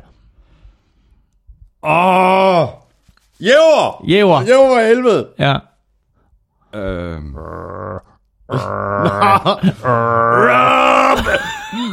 Baronas! Jeg kan ikke sige det så godt som jæver. Jeg lidt, der er ikke nogen, der kan. Baronas. ja, Han har rekorden med 8. han har rekord med 8. Må jeg lige hurtigt bringe et spiltip op her? Øhm, jeg ved ikke, om det er et spiltip, men det er bare en, en, kuriositet, en, en kuriositet, og det er, at Los Angeles Rams på søndag i spiller virkelig, virkelig vigtigt opgør jo, imod Seattle Seahawks. Mm-hmm. Los Angeles Rams er favoritter. Ja, ja. Los Men, Angeles Rams giver 91, mens Seahawks giver 1,97. og det havde, vi ikke, det havde vi ikke skudt på før sæsonen. På men, så, men sådan som de to hold har spillet i de første fire uger, Præcis. så er der ikke så meget at om. Så skal Rams være favoritter. Det skal de. Øh, og jeg vil, ikke, jeg vil faktisk ikke anbefale øh, et, et, et bet her, fordi jeg, jeg kan godt blive meget i tvivl om, hvem der vinder den kamp. Men altså umiddelbart, så tror jeg jo, at Rams de vinder den. Mm. Så, øh, så 91. Alt, alt det her med, når man, kan få, når man får store odds på hjemmesejre, Ja. det er altså ret godt i NFL. Ja, det det. Og med et hold, som, øh, som på den måde øh, har overrasket sig selv og alle andre øh, i en vigtig, vigtig kamp i NFC West, fordi det her, det kan jo etablere dem i toppen af divisionen. Mens de ligesom kan sige, okay, Seahawks, Ja, så går de 4-1, og Seahawks ryger 2-3. præcis jo. Og så har jeg faktisk mere eller mindre allerede øh, sagt, hvordan stillingen er lige nu, fordi Rams er 3-1, og øh, de spiller så den her monsterkamp øh, hjemme mod Seahawks, og Cowboys de er 2-2, og de tager imod Packers, og det er også en øh, monsterkamp. Hvordan ser du Cowboys lige nu, Claus? Godt spørgsmål, fordi vi snakker mest om Rams her, og jeg sidder lige med chili cheese rings. Um, Cowboys har mistet 40% af den offensive linje. ja, præcis. 42 faktisk. der er en af dem, der har tabt sig lidt. um, hvad hedder det? Uh, det er ikke det samme løbeangreb. De løber ikke bolden lige så godt. Ezekiel Elliott virker ikke til at have... Lige, lige så vel som, som, som Todd Gurley virker til at have fået sit gamle boost tilbage. Så, mange, så, så er det ligesom om, at, at Ezekiel Elliott mangler et eller andet. Uh, men han har, han, har, han er stadigvæk en god spiller. Uh, Han er en kanon running back, det er fuldstændig rigtigt. Han virker lige en lige en tand langsommere. Ja. Lidt mindre eksplosiv, ja. end han var men, sidste år. men det kan også have noget at gøre med den offensive linje. Når hullerne var så store, som de var sidste år, det var så nemt for ham at læse dem, altså så er det også nemmere bare at sige, okay, løber op her, ikke? Mm. Altså, og så kunne han gøre ligesom, hvad han ville. Her, der skal han altså lige læse en lille tand mere, og så bliver han måske fanget lidt oftere, end, han- end han gjorde sidste år. Um, Dak Prescott synes jeg faktisk spiller godt. Jeg synes, Dak Prescott øh, følger fint op på den flotte rookie-sæson, han havde sidste år. Han er selvfølgelig også plaget af, at, øh, at det her, øh, den her angrebslinje øh, har mistet øh, to ud af fem spillere. Øh, men jeg synes faktisk, han gør det godt. Forsvaret har været hæmmet af karantæner og alvorlige skader. Men positivt for, for Cowboys, det er, at nu får de Sean Lee tilbage. De får Anthony Hitchens tilbage, mm. og de får David Irving tilbage. Det er altså tre markante spillere. Jeg vil bare lige sige, det er Marcus Lawrence på den ene side, og David Irving på den anden side. Det vil skabe problemer for samtlige quarterbacks i ligaen, samtlige offensive linjer. Øh, Så, så det bliver lidt interessant at, ske, at se, hvad der sker. Også fordi Anthony Hitchens i midten er så vigtig for dem. Der går måske en uge eller to, inden han er tilbage. Og så selvfølgelig Sean Lee. Sean Lee er bare øh, limen i det her forsvar, og han var altså ikke med i weekenden. Og fra øh, en superkamp til en øh, anden, der var mindst lige så god, øh, medmindre man er Patriots-fan og godt kan lide øh, godt forsvarsspil, øh, fordi øh, det her Patriots-forsvar, det fungerer minus i øjeblikket, og, og kampen den endte så også med en sejr til Panthers på, på 33-30. Patriots andet nederlag på hjemmebane i år. Øh, Anders Korts spørger på Twitter, kan Pats superringe forsvar reddes i denne sæson? Hashtag au au. Jeg vil sige en ting, og det var, at øh, sidste år, der troede jeg simpelthen ikke på Patriots. Jeg så på det spillermateriale, de havde, og så tænkte jeg, det der, det er ikke et særligt godt forsvar. Øh, og så må jeg sige, at så beviste Bill Belichick jo bare, at han er en genial coach, og fik coachet alle de der mange no-names op til at være NFL's bedste forsvar. Mm. Færrest yards, færrest point imod. Øh, vandt Super Bowl efter det der fantastiske comeback. Øh, men det er ligesom om, at det jeg så sidste år, at det måske er kommet til udtryk i år. De her no-names formår ikke at levere, og så vil jeg sige, meget ukarakteristisk for Patriots. Vi talte om det inden, så hiver de Steven Gilmore ind, eller Stefan Gilmore ind fra, fra Buffalo Bills, og han har da i den grad været en skuffelse. Det kan godt være, at hvis du placerer ham i en mod en mod en receiver, at så er han sublim, og så kan han tage den receiver væk. Men når du skal ind i det her indviklede system, som Bill Belichicks forsvar er og til består af, så er der ikke plads til mentale fejl. Og Stefan Gilmore har begået mentale fejl i samtlige kampe indtil videre, og han gjorde det også mod Carolina, mm. og det kostede i hvert fald to touchdowns imod Carolina. For Whittakers lange touchdown var en Stefan Gilmore-fejl, og øh, Devin Funches' øh, touchdown sent i kampen er angiveligt også en Stefan Gilmore-fejl. Mm. Og Stefan Gilmore, ikke? superstjerne, en af de største kontrakter på forsvaret, hvis ikke den største, øh, øh, går lynhurtigt i gang med ligesom at pege fingre, hey, hvorfor var du der, ikke? Hvorfor var, hvor er du ikke? Altså, men fejlen ligger på ham. Nå ja, præcis. Men jeg synes i det hele taget, altså fejl på fejl i, i secondaryen. Øh, linebackerne, synes jeg ser lidt øh, langsomme mm. ud. Der er ikke noget pass rush. Altså, Ej, men- som men, men- nærmest ingen pass rush. Nej, og det er der ikke. Der er ingen pass rush, og det, vi har talt om det et par gange, ikke? at det her, der er sket med, med, med deres defensive ends, øh, er jo en katastrofe for dem, ikke? Altså, øh, øh Chris Long er videre, øh, Rob Ninkovich trækker sig tilbage, øh, deres rookie øh, bliver, bliver, hvad hedder han, øh, øh eller en Barnett, bliver, bliver skadet, Derek Barnett bliver, nej ikke Derek Barnett, øh, lige meget, bliver, bliver, bliver skadet, øh, og der, der er flere øh, andre, øh, altså Jabal Shear der videre, øh, så altså hele den her defensive end situation for dem er, er meget, meget uholdbar. Og på spørgsmålet om det kan rettes, øh, ja, selvfølgelig kan det rettes. Bill Belichick er, er tæt på øh, Einstein i NFL-sammenhæng. Mm, Men det er også rart at have noget materiale at arbejde med. Mm.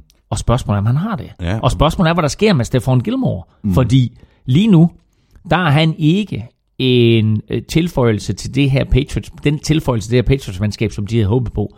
Altså, lige nu der er han en eller anden form for negativ substans.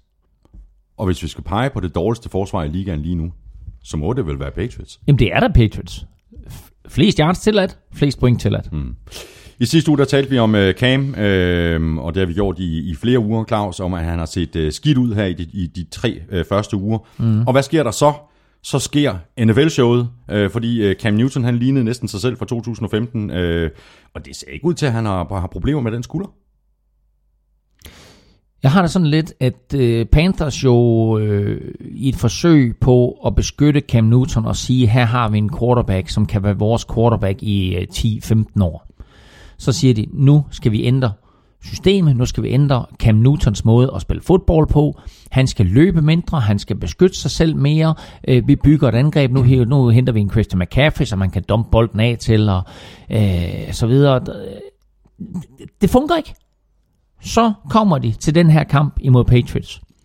og så spiller Cam Newton, som han gjorde i 2015. Og han spiller på den måde, som han gjorde. Mm. Det vil sige, der var nogle designede løb, hvor Cam Newton kom op bag ved linjen, og så med bolden i hænderne, så kigger han, nå, hvor skal jeg lige løbe hen? Og så får han 3, 4, 8, 10, 12 yards, så får han en første down. Når han kaster, jamen så kaster han til øh, sådan lidt, du ved, sådan, ikke, ikke, ikke sådan specielt teknisk korrekt, men han får bare bolden ud i hænderne på Devin Funches. Han får bolden ud i hænderne på Kelvin Benjamin. Det her, det var den gamle udgave af øh, Cam Newton, og det var den gamle udgave af Carolina Panthers angreb, vi så.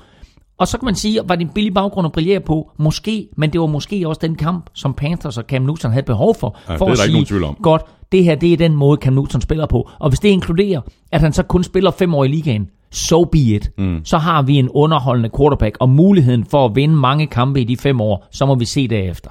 Og han havde øh, 360 yards ud af Panthers 444 yards på offense, 44 yards på jorden, mm. plus 316 yards i luften.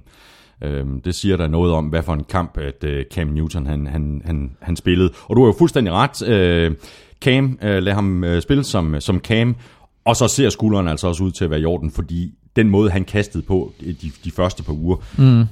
det så ikke godt ud. Det gjorde det til gengæld mod Patriots.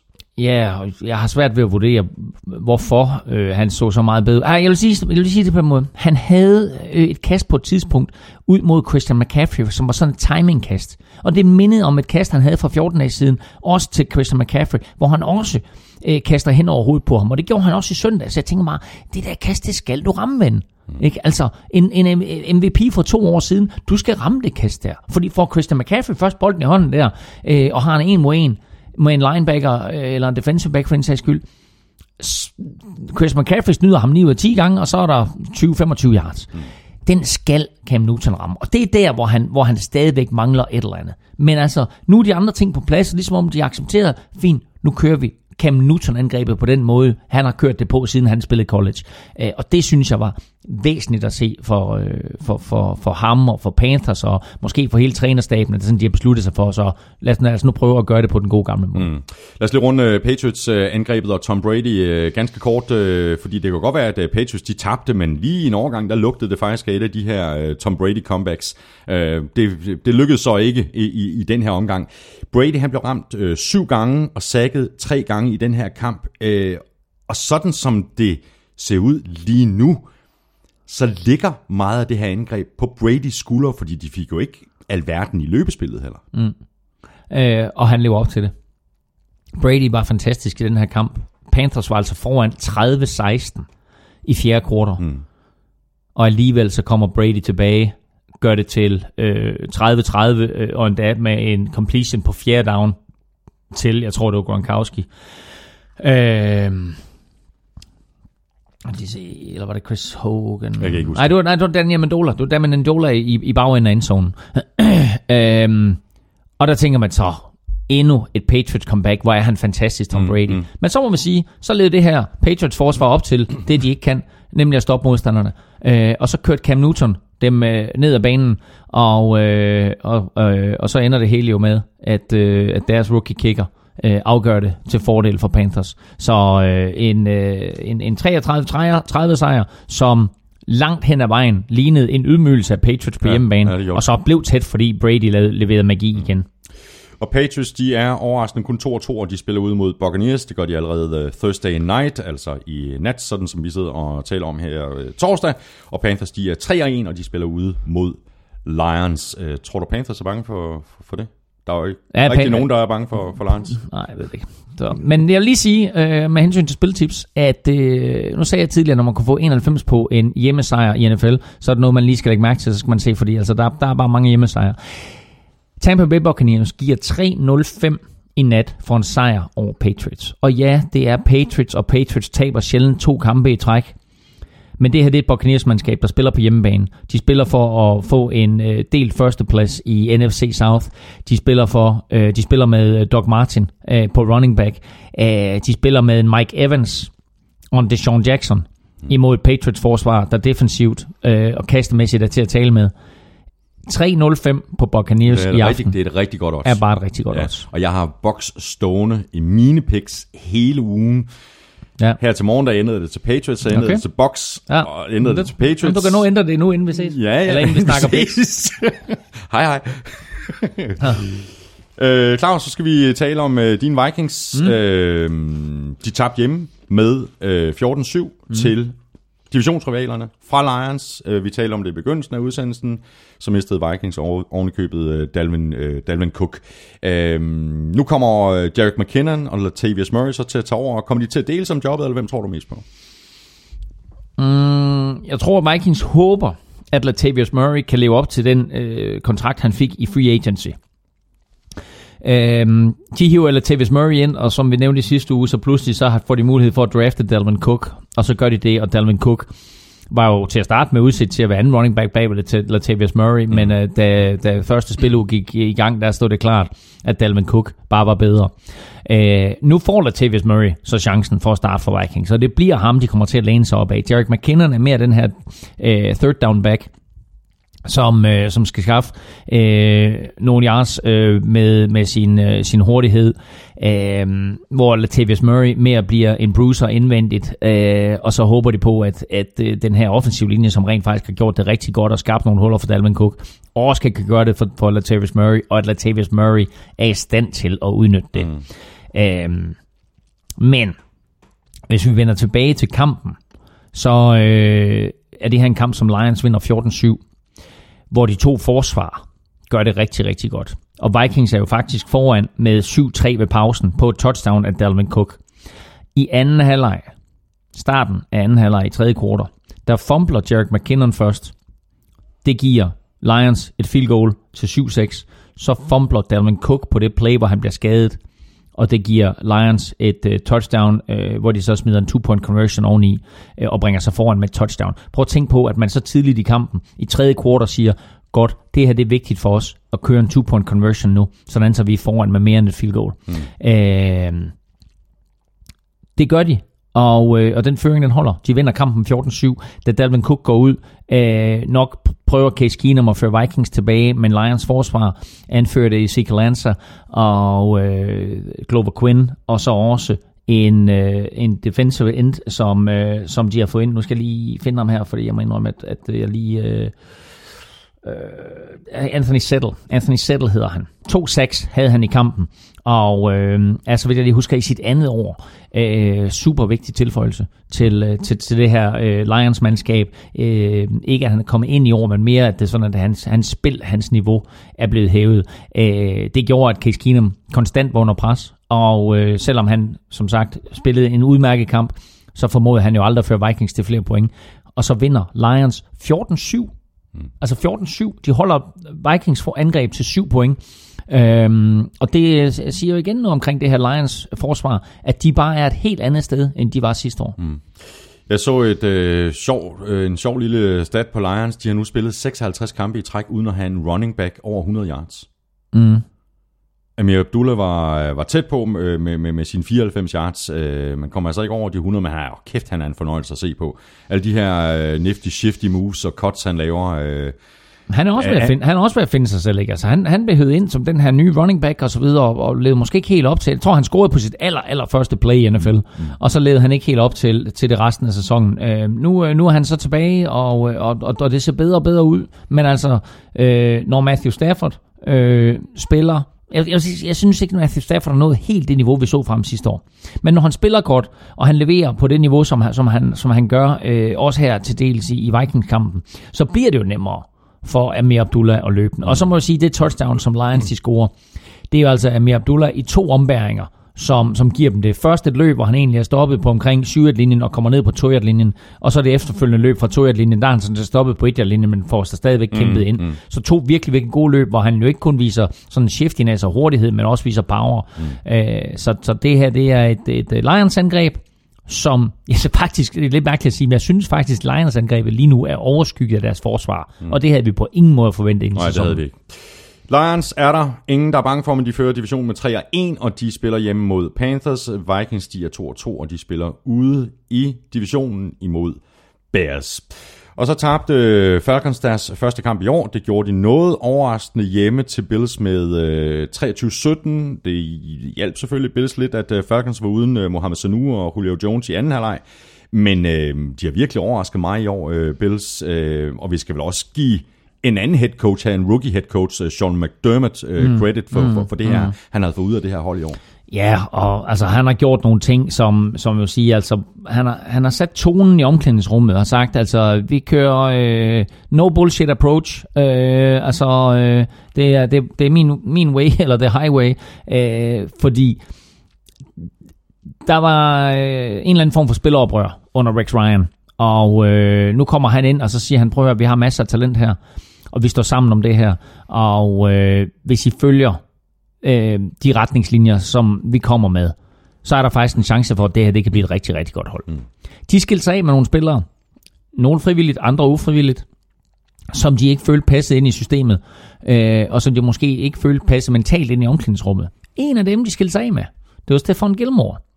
Og da Patriots signer Stefan Gilmore, så er alle jo helt opringet, nej, hvor er det fantastisk signing, den bedste, en af de bedste cornerbacks i ligaen, måske en top 10 cornerback i ligaen, mm-hmm. ikke, som, som de stjæler fra en divisionsrival. Rygterne ud fra, fra Buffalo nu er jo, at Stefan Gilmore øh, var, øh, var en, en selvisk spiller, altså øh, var en pestilens i omklædningsrummet, øh, og derudover måske også sådan så sig selv meget som en cover corner, og når der så lige blev løbet, så trak han sig sådan lidt i taklingerne. Mm. Så øh, den investering, som Bills stod og skulle foretage, hvis de skulle resign ham, var langt, langt større end den værdi, de ville få ud af ham. Så de tænkte, nå, fint nok. Altså, hvis Patriots vil have ham, så skal de have ham. Og så sagde vi, så starter vi på en frisk, så må vi se. Og det, de har gjort, det er, at de har blandt andet draftet den cornerback, der hedder Tredavious White. Og Tredavious White har spillet langt, langt bedre i de første fire kampe, end Stefan Gilmore. Mm. Tredavious White blev kåret til Rookie of the Month defensivt af NFL.com af kæmpe tilføjelse, han har været. Forsvaret vidste vi var godt, men var vi klar over, at det var så godt? Nej, Nej det var vi det var vi ikke. Og de har gjort det også under Sean McDermott, at de er gået tilbage fra Rex Ryans 3-4-46 defense til et 4-3 forsvar. Og det har bare Jeg tror, hjulpet du dem. skulle til at sige, går til 4-4. Jamen, 4-4 eksisterer, men 4-4-4, Ja, den, ja, den, ja, den, ja. øh, hvad hedder det? Men øh, nej, de går tilbage til 4-3 forsvar. Og øh, det har bare været fantastisk for dem, øh, og har fungeret for dem. Og de har holdt øh, alle mandskaber, de har spillet mod, til ganske, ganske få point. Øh, inklusiv Falcons. Altså, det, det er jo lidt vildt, ikke? Altså, så øh, de, øh, de, altså, de spillede øh, en, en, øh, en, en, en solid kamp, uden at være prangende på angrebet. Men forsvaret lukkede bare ned for Matt Ryan og co. Og så er det rigtigt nok, at Matt Ryan manglede selvfølgelig Julio Jones og manglede Mohamed Sanu. Og de, de receiver, som han har at gøre med, ikke kunne leve op til den status, at de pludselig ikke var tredje og fjerde receiver længere, man var første og anden receiver. Men altså, første passing touchdown imod Bills i år kom 8 minutter inde i fjerde kvartal i den her kamp. Nå, det var jeg ikke klar over. Var det det første kastet touchdown imod Bills? Er det ikke crazy? Det var jeg slet ikke klar over. Og det er, det er en fed stat. Ja. Okay. Nikolaj Vangsgaard skriver, Bills er gode, dejligt overraskende, men hold nu op, hvor tager Sean McCoy imod mange tæsk, holder mm. han helt ind til playoffs. Vangsgaard er i gang med at placere Bills i playoffs, men øh, den har en god konklusion der. Ja. øhm, nu skal de lige vinde divisionen først. Og det er ikke umuligt, de gør det. Øhm, men de spiller stadigvæk i en division, der indeholder New England Patriots. Og der er spillet fire uger, og de er 3 og 1, og Patriots er 2 og 2, og så videre. Ikke? Altså meget kan ske. Øhm, men lige nu, der er der da forhåbninger i Buffalo om, at, at det her det er over. Jeg synes ikke, at de, og jeg har nævnt det et par gange før, så jeg synes ikke, de har fået det ud af, af LeSean McCoy, som de ville indtil videre. Han havde en udmærket kamp, han løb bolden 20 gange for 76 yards, øh, og der var sporadiske momenter, hvor man så hans eksplosivitet, og man så den her øh, helt klassiske måde, han løber bolden mm. på. Men de skal stadigvæk have fundet en måde at gøre ham bedre på, og det starter nok øh, med quarterbacken, fordi Tyra Taylor, skal selv blive bedre til at kaste bolden. Han skal selv øh, blive bedre til at ramme sin receiver. Øh, og nok, så må jeg sige, en spiller, jeg var vildt, vildt imponeret over, som lavede nogle vanvittige catches. Det var tight end Charles Clay. Ja, han er vel øh, i virkeligheden øh, deres, øh, deres bedste trussel dybt. Jamen, altså prøv at høre. De der bolde, han griber, Charles Ja, ja, Clay. fuldstændig vildt. Altså, han griber fem bolde. Ikke? Der er mange tight ends, der griber fem bolde. Ikke? Altså, men den, de fem bolde, han griber, det er super catches alle sammen. Øh, har altså 112 yards, øh, og er i den grad... Snit, snit på 22,4. Præcis, og, i- og i den grad med til øh, at sørge for, at Bills de flytter bolden imod Falcons. Øh, men altså, øh, rookie Say Jones, han griber kun en enkelt bold. Øh, Jordan Matthews griber to, men har selvfølgelig et, et, et super vigtigt touchdown. Andre Holmes griber en. Altså, øh, det er bare, der skal ske noget mere ja. kastemæssigt for Bills, før LeSean McCoy, han får det nemmere som running back. Vi er fuldstændig enige, og øh, Bills de er 3 og 1. De fører noget overraskende AFC East, og de spiller ude mod Bengals. Falcons de er også 3 og 1, og de går altså på bye week med sæsonens første nederlag i bagagen. Videre til øh, Steelers, der øh, som forventet slog øh, Ravens øh, ude med 26-9. Big Ben ser stadig ikke overbevist ud, synes jeg, men øh, Le'Veon Bell, han begynder at ligne øh, Le'Veon Bell, og, øh, og spilkaldene fra Steelers var også sådan rimelig Steelers-agtigt. Det var løb, løb, løb, løb, løb. Øh, Ja, det var løb, løb, løb, fordi Le'Veon Bell, han løb bolden 35 gange. Exakt, Men altså, når han så løber bolden, som han gør, øh, så må vi også bare sige, så vil jeg også blive ved med at give bolden fordi, til, til Le'Veon Bell. Fordi det her, det var den gamle Le'Veon Bell. Det var den Le'Veon Bell, som, som vi så sidste år, og som vi var så fascineret af, mm. som hele verden har været fascineret af. Der er ingen running back, der løber på den måde, som han gør. Og vi så den her tålmodighed. Vi så eksplosiviteten. Nogle gange, så er Le'Veon Bells løb på 4 yards bedre end andre running backs løb på 30 yards. Mm. Altså, det han formår på, på, på kort løb, hvad han formår at lave af moves og finder og få det meste ud af en umulig situation, det er så imponerende. Han løber bolden for 144 yards, han griber bolde for øh, yderligere 42 yards, små 190 yards på dagen for ham, øh, og to touchdowns.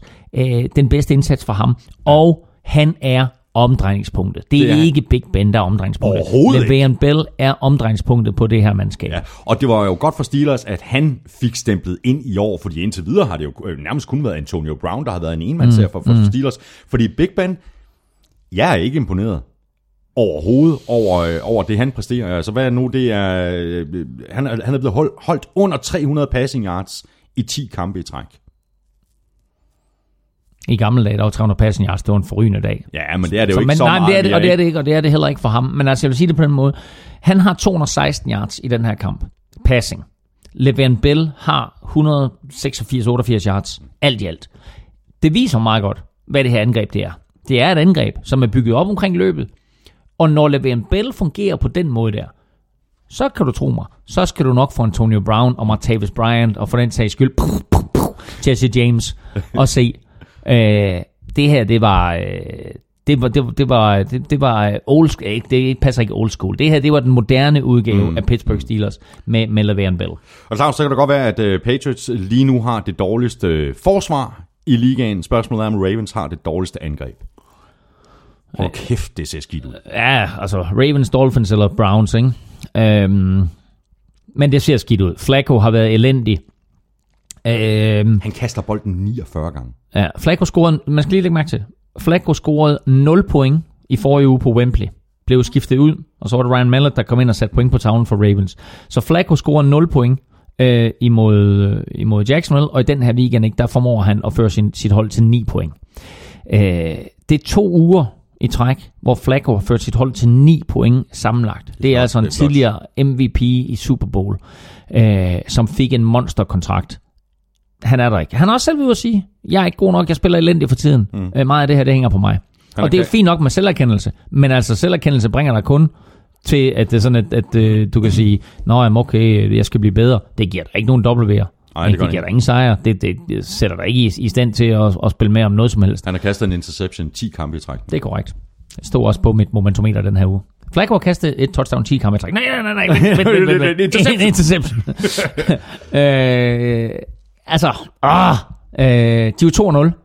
Og øh, mange sagde, hey, fedt og sådan noget. Mm. Men altså, nu er de 2 og 2, og udover Flacco ikke har spillet særlig godt, så må man sige, øh, apropos det her med at miste offensiv lineman, ikke? han har også mistet 40% af sin offensiv linje, ikke mindst Marshall Janda. Altså 40 procent, 40 procent, hvor mange er det? Ja, det er så 2 ud af 5. Ah, ikke? okay. Eller hvis man stiller op med 10 på den offensive linje, så er det, det? 4. øhm, man har mistet Marcel Janda, som er, som er en, en, en stor øh, og vigtig spiller. Øh, den måske den bedste guard i ligaen. Øh, han er ude. Øh, på forsvaret mister de Brandon Williams i midten, og deres løbeforsvar har bare ikke været det samme uden ham. Så det her, det er et Ravens-mandskab, og det skal også sige, det vidste vi faktisk inden. Jeg tror, de er op nu på øh, 17 spillere på det, der hedder IR, altså Injured Reserve. Og det er bare mange. Og det er ikke små spillere. Det her, det er altså øh, store eller semi-store stjerner, som, som er på Injured Reserve, så de er virkelig, virkelig skadesramt. Og Ravens, de er 2 og 2. De skal til øh, Oakland og møde Raiders. Steelers er 3 og 1, og de spiller hjemme mod Jaguars. Og så skal vi have den øh, første af to kampe, der først fandt en vinder i overtime. Jets vandt med 23-20 over Jaguars. Øh, det må jeg indrømme, øh, Claus Elm, den havde jeg ikke lige set komme. Nej, men det var der ikke nogen, der havde. Altså efter Jaguars, de ydmygede Baltimore Ravens 44-7 i London, så øh, var mange jo på øh, den her Jacksonville-vogn og sagde, så nu er det der endelig ikke. Altså vi har jo hypet dem nu i to-tre år jo. Øh, og nu tænkte vi så, nu, nu er det der endelig. Ja. Øh, men altså, ligesom Bills spiller godt forsvar, så spiller Jets godt forsvar, og så må vi bare sige, altså Blake Bortles, den ene uge, han havde som nomineret på ugens spillerliste her i NFL-showet, det kommer aldrig til at ske Nej, nej, det igen. gør det altså ikke. Altså, fordi den måde, han spillede på imod Jets, det var jo forfærdeligt. Og ja, han var op imod et bedre forsvar imod Jets, end han var imod Ravens. Men altså, de kommer ingen vegne med Blake Bortles som quarterback, hvis han spiller på den måde. Altså kaster for 140 yards i løbet af en kamp. Rammer på 15 ud af 35. Mm. Ikke? Det er under det er under, Ron 50, Hansen. det er under 50 procent. øh, for 140 Det er derfor, folk yards. kommer igen og igen. Det, det, det er det eneste sted, folk får, får for den her slags. Det er det. Det er det. Og det er gjort, prøv at høre, helt uden lommeregner. Det er live, uden Ikke? lommeregner. Præcis. 140 yards, et touchdown og en interception. Øh, ugen efter, at han rent faktisk har lignet en NFL quarterback i London, kaster fire Ja, touchdowns. man skal så sige, at Marcus Lee skal, skal gribe den der bold. Ikke? Så, så, så er det set lidt bedre ud, trods alt, fordi så havde de været i field goal afstand. Marquis Lee Øh, taber øh, en, et, hvor langt er det? Er det 30 yards sagt et eller andet, ikke? Altså det er et langt kast fra Blake Bortles, øh, som vil ændre den her kamp øh, dramatisk, ikke? Øh, men, øh, men altså øh, Mercedes Lewis, som greb tre touchdowns, griber 0 bolde. Blake Bortles kaster til ham fire gange. Han griber 0 bolde for 0 yards. 0 touchdowns. Ikke? Altså, øh, der er jo ingen, der lever op til det her. Alan Hearns er hans yndlingsreceiver. Altså, vi må også sige, de mangler selvfølgelig Alan Robinson, der, der er ude med en skade. Øh, Al- Alan Hearns er hans yndlingsreceiver. Han kaster til ham 10 gange, der bliver grebet fire bolde. Mm. Altså, så ja, opdækningen var der fra Jets' side, det er klart. Altså, Jets spiller godt forsvar. Der var pres på Bortles, der var god opdækning. Øh, og øh, altså, Leonard Fournette øh, er deres bedste spiller i den her kamp. Rookie running backen. Mm. Øh, han, han er både god, når han løber bolden, og han er god, når han griber bolden. Øh, har øh, omkring 130 yards, alt i alt, løbe, løbe yards og, og, og grebne yards, øh, og et enkelt touchdown. Han er, øh, når Blake Bortles så spiller sig ring, så er han deres bedste spiller. Spørgsmålet er, om Jets er bedre, end vi havde regnet med. Ikke at det nødvendigvis øh, siger så forfærdeligt meget, fordi vi mm. regnede ikke øh, med, at øh, de overhovedet ville være altså, i, i, i stand til at yde nogle øh, andre øh, mandskaber konkurrence, men nu har de vundet to træk. Og de er 2 og 2, mm. og de ligger... Lad, lad, lad os nu lige rise et, et, et, lidt interessant scenarie op her, fordi de 2 og 2, og de ligger øh, på øh, del anden plads med New England Patriots i AFC East. Jets har Browns i weekenden. Den kan de godt vinde. Mm-hmm. Så er de 3 og 2. Patriots har Bucks. På den, udebane. Den kan de godt tabe. Så er de 2 og 3. Jets 3 og 2, Patriots 2 og 3. De mødes i næste uge. Hvem havde forudset?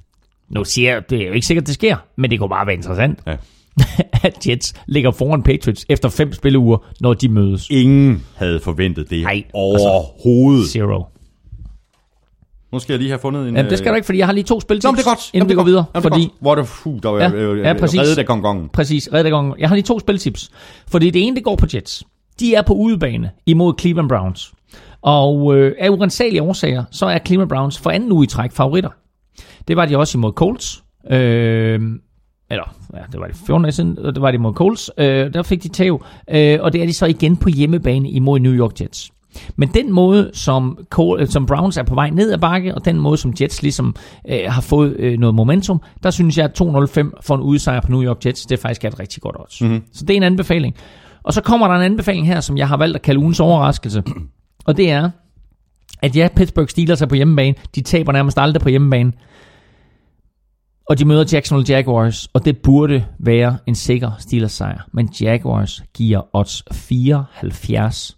4,70 4,70 for en udsejr For en Jaguars. udsejr Men okay, Jaguars. problemet er bare, at vi ved ikke, hvad det er for et Jaguars hold, vi får se, vel? Nej, men altså, øh, jeg siger bare, det her det er et Jaguars mandskab, som sagtens kan være med øh, og spille med hen, langt hen ad vejen. Mm. Og kan de det, så kan det lige så godt ende med en Jaguars sejr, som det kan ende med en Steelers sejr. Så odds 4,70 Og det er crazy. på, øh, på en Jacksonville sejr. Og vil man så spille med, med livrem og seler, så kan man sige, okay, hvis Jaguars de taber med mindre end 13, så er der altså odds 51 på det. Også et øh, aldeles øh, glimrende, men altså 74 for, for, for en, en Jaguars sejr ud over Steelers. Det er der til at tage at føle på. Og øh, Jaguars, de er 2-2, og de spiller som sagt ude mod øh, Steelers. Øh, Jets, de er også 2-2, og de spiller ude mod Browns.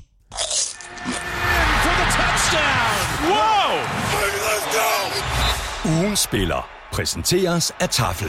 Nå, det var, det var den, du skulle have fundet. Det var nemlig lige præcis. og nu skal vi have... Mm, skilt nogle af de her sharpe ud. Har du selv lavet den der lyd der? Nej, den der på skilleren? Ja. Nej, det har jeg ikke. Okay, og skilleren, det, det skal du lige forklare det med. Ja, altså det der, der ja, ja, det der, jeg sådan sætter en lille, på. sådan Den en lille lyd.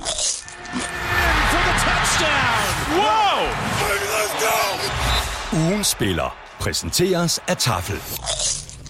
Det er første gang, at jeg har fået to ugens spillere på samme dag. Nej, stop, jeg kan ikke mere. Nå, Claus og Helming. Vi smed øh, tre navne på Twitter i øh, tirsdags. Øh, super skarpt felt, øh, for, hvor vi sorterede Todd Gurley fra. Bilal Powell, Cam Newton, Aaron Rodgers. ja, det, Der var masser af spillere, ja. som kunne være blevet nomineret. Ja. Ikke? Vi endte så med at øh, udvælge følgende tre. Deshaun Watson, Le'Veon Bell og Greg Sørlein, a.k.a. Greg the Leg, a.k.a. Legatron. A.k.a. sur, sur nummer. Jeg må indrømme, jeg hæppede lidt på øh, Greg the Leg, men han måtte nøjes med øh, 29% af stemmerne, Ja. hvilket så også rundt regnet øh, var dobbelt så mange som de 15%, der gik med Le'Veon Bell. Ah, Okay. Og det betyder altså, at Deshaun Watson fik 56%. Claus, du får øh, Ja, tak. tafelsækken her. Og Claus, du er jo lykkens gudinde. Ja, tak. Og øh, jeg stikker hånden ned her, og det vil sige, at der er 56% chance for, at jeg hiver en Deshaun Watson ting op her, og jeg Det er korrekt. Det er, du er god til det der med... Tre hånden, to i hånden, en i hånden. Og... Det er Sean Watson. Vi skal smutte op til Frederikshavn. Nej da. Jo, vi skal op Skal til, vi- Fred... vi skal op til Frederikshavn? Frederikshavn. Så er der op af stolen oppe i Frederikshavn. Nu skal I alle Nu sammen... I, hæpper I, hæpper I alle sammen. Nu skal I lytte efter deroppe i Frederikshavn. Og vinderen, det er, det er en fyr, der hedder Claus. Nej. Jo, han hedder Claus Nielsen. Claus Nielsen fra så, Frederikshavn. Ja, så kan han godt komme op af stolen der.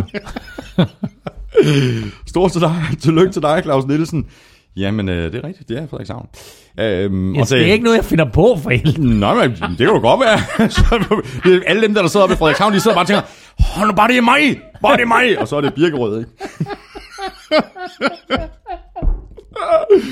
Der er en ny chance næste uge for at vinde den her kasse med taffelchips. Tjek NFL-showet på Twitter på tirsdag hvor vi øh, nominerer tre spillere, og så stemmer du på din øh, favorit på snablag. Nej, du stemmer på mailsnablag nflshow.dk ved at skrive dit bud i emnelinjen, og i selve mailen, der skriver du dit navn og adresse, og når du har gjort det, så er du med i lodtrækningen om 8 poser chips fra Tafel. Det var også en skiller, det var en lidt kortere en. Claus Nielsen fra Frederikshavn. Så er vi fat i kampen igen. Øh, Claus, det gør vi med øh, endnu et nederlag til Giants. Øh, tabte ude til Buccaneers med 25-23, og de gjorde det til allersidst, da Nick Folk lige akkurat fik sat det, det afgørende field goal. Øh, forløbig, der er det bare ikke Giants sæson. Nej, og øh, nogle af de der kampe, der var tætte sidste år, som de vandt, dem taber de altså i år. Øh, der er nogle positive tendenser hos Giants. Øh, altså, de præsterede faktisk at score i tre quarters i den her kamp. Det var første gang i år, at de scorede i tre quarters. Øh, så øh, det var, øh, det var en kamp, hvor de var med, og hvor de førte, og hvor de tabte på et field goal i sidste sekund for anden uge i træk. Ja. I sidste uge, eller forrige uge, der var det Jake Elliott, rookie-kickeren fra, øh, fra øh, Eagles, fra Eagles. Og i den her uge, der var det så Nick Folk fra Buccaneers. Nick Folk, der havde brændt to field goals og et ekstra point i kampen.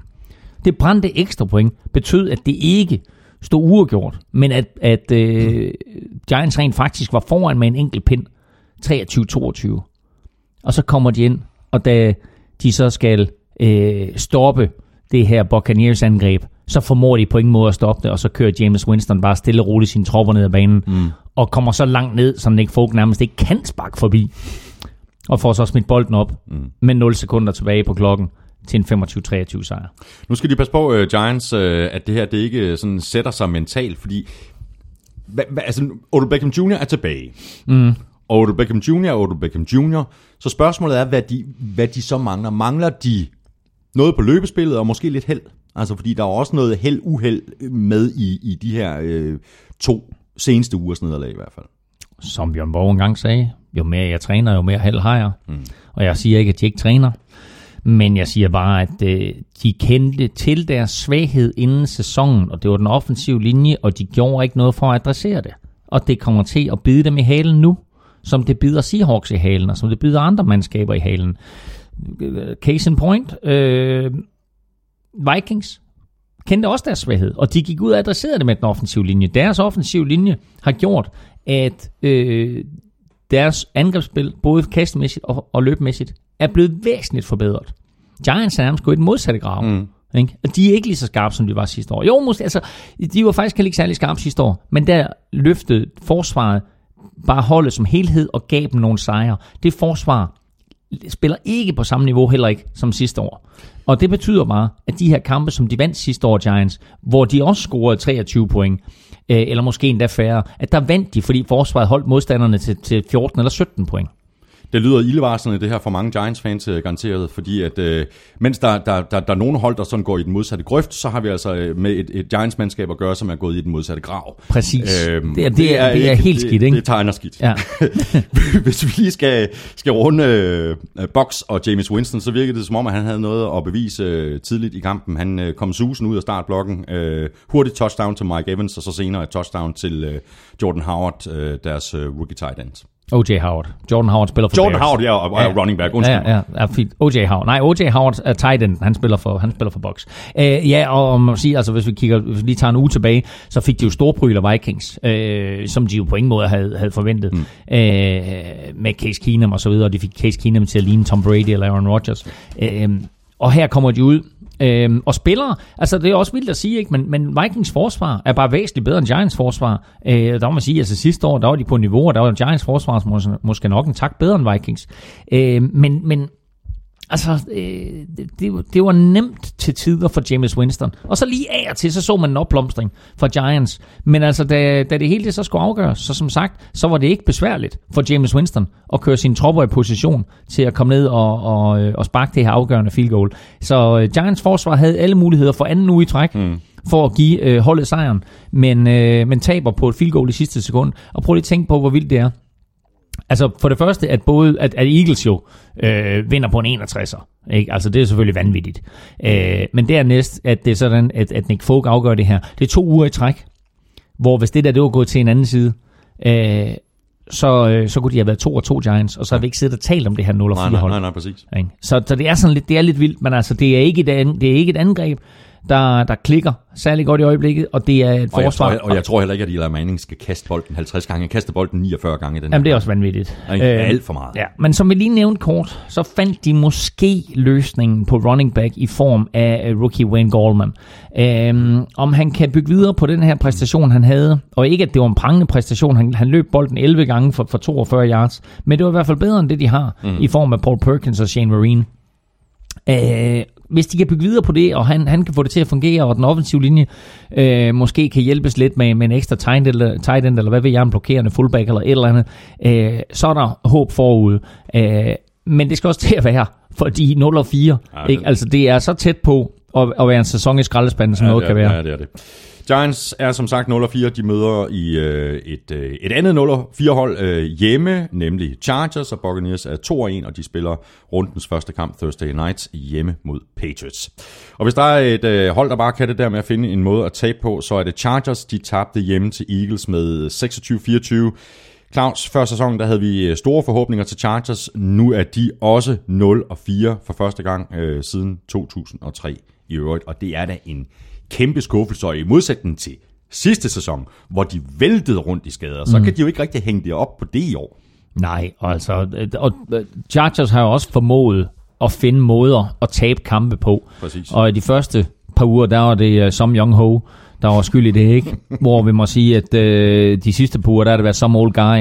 Uh, fordi Rivers. Phil, Philip Rivers uh, i forrige uge uh, ja, kastede nogle tåbelige interceptions og, og lagde ud med at kaste en interception i starten af kampen. Og i søndags, jamen altså, der lægger han ud med på første drive og, øh, og fumble bolden i en situation, hvor han bliver ved med at holde i den og holde i den og holde i den, indtil han bliver sækket, og bolden så bliver slået fri.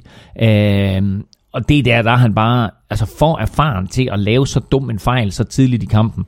Øh, det er en fejl, som man ikke må lave på noget tidspunkt i kampen, men man kan sige, altså, er det, er det, til, er det til sidst, og er det en afgørende situation, og han er nødt til at skabe et eller andet, så fint nok, at han prøver på at skabe et eller andet, men her, der er det i starten af kampen, og så må man sige, jamen altså, Ponte fint nok i starten af kampen, ikke? Altså, mm. fumble eller en interception er det værste, der kan ske. Så to uger i træk, der har han altså sat sit hold i den absolut sværest mulige udgangsposition, nemlig at de er bagud fra første fløjt. Ja, og nøjagtigt som med, med, med, med Giants, øh, så har det jo været tætte afgørelser, altså i Altså de tre af nederlagene, de kom på hjemmebane. Mm. Alle nederlagene, der har de været inden for et touchdown i fjerde kvartal. Mm. Så det er jo ikke fordi, de er hægtet af. Mm. Men prøv, Men- at tænke, prøv at tænke på sidste år, hvor de blev ved med at tabe kampe, og vi sad og sagde, prøv her, de kunne være, de kunne være 6 og 1, ikke? Altså, og det er lidt det samme igen i år. Øh, at de, de bliver bare ved med at tabe kampe, som, som de med, med lidt bedre coaching og lidt bedre spil burde vinde. Og de burde heller ikke være 0 og 4, men det er tilfældet. Mm. Øh, altså, de skulle ikke have tabt til Broncos. Øh, og øh, hvad var det, hvad var det de, de tabte også til, hvor, hvor som Jong Ho han missede. Øh, altså, det er bare sådan, ah, Øh, men nu er det 0 og 4, og det er altså også tæt på, at den her sæson den er smidt i skraldespanden. Ikke mindst fordi man ligger i en stærk division, ja. som jo indeholder Chiefs, der er 4-0. Ikke? Altså 4-0 mod 0 og 4, der er bare lang vej der er hjem. lang ikke? vej. Øh, så har... Øh, Og så er der også lang vej til at få, øh, få et nyt hjemmepublikum i, i LA. Ikke? Nej, nej, nej, nej. Altså, de spiller, og det var, det er jo så anden hjemmekamp i træk, hvor der var flere, der hæppede på udholdet, end der var på Chargers. Mm. Øh, som de sagde, flere Chargers-spillere efterfølgende. Det er lidt frustrerende at kigge op på tilskuerpladserne, og så er der sådan et grønt hav af fans. Ikke? Nu spillede de mod Eagles, ikke? Så er der sådan et grønt hav af fans. Og øh, når, når vi er i angreb, så er der pibekoncert. Altså, den, den, er, den er bare svær, ikke? Ja. Øh, så øh, The Fight for LA, som øh, sloganet hedder, The Fight for LA, der er øh, LA Rams lige i øjeblikket foran på point. og langt foran. Et element i den her kamp, som måske også er med til at, at, at tippe det til øh, Eagles side, er, at de vinder time of possession. Mm. De har bolden 40 minutter, næsten ud af de 60. Det er, jeg ved ikke om du vil... Ej, det er om det er en tre, tre fjerdedel, to, to tredjedel. To tredjedel. og det er jo også en måde at vinde øh, fodboldkampe øh, på, øh, Claus Elming. Og så så vi også Ambition øh, LeGarrette Blunt, øh, sådan for alvor for første gang. uanset, uanset hvor meget eller hvor lidt han løber bolden, så kan han aldrig blive ambition. Lad Garrett Blunt, han er en... Men han har løbet Ambition mere, end han har gjort de, de, de foregående kampe. Altså, i, i forrige spiluge, der fandt de formen med at bruge ham. Han var jo faktisk på nippet til at blive kottet inden sæsonen. Mm. Det var sådan lidt, nah, han passer igen.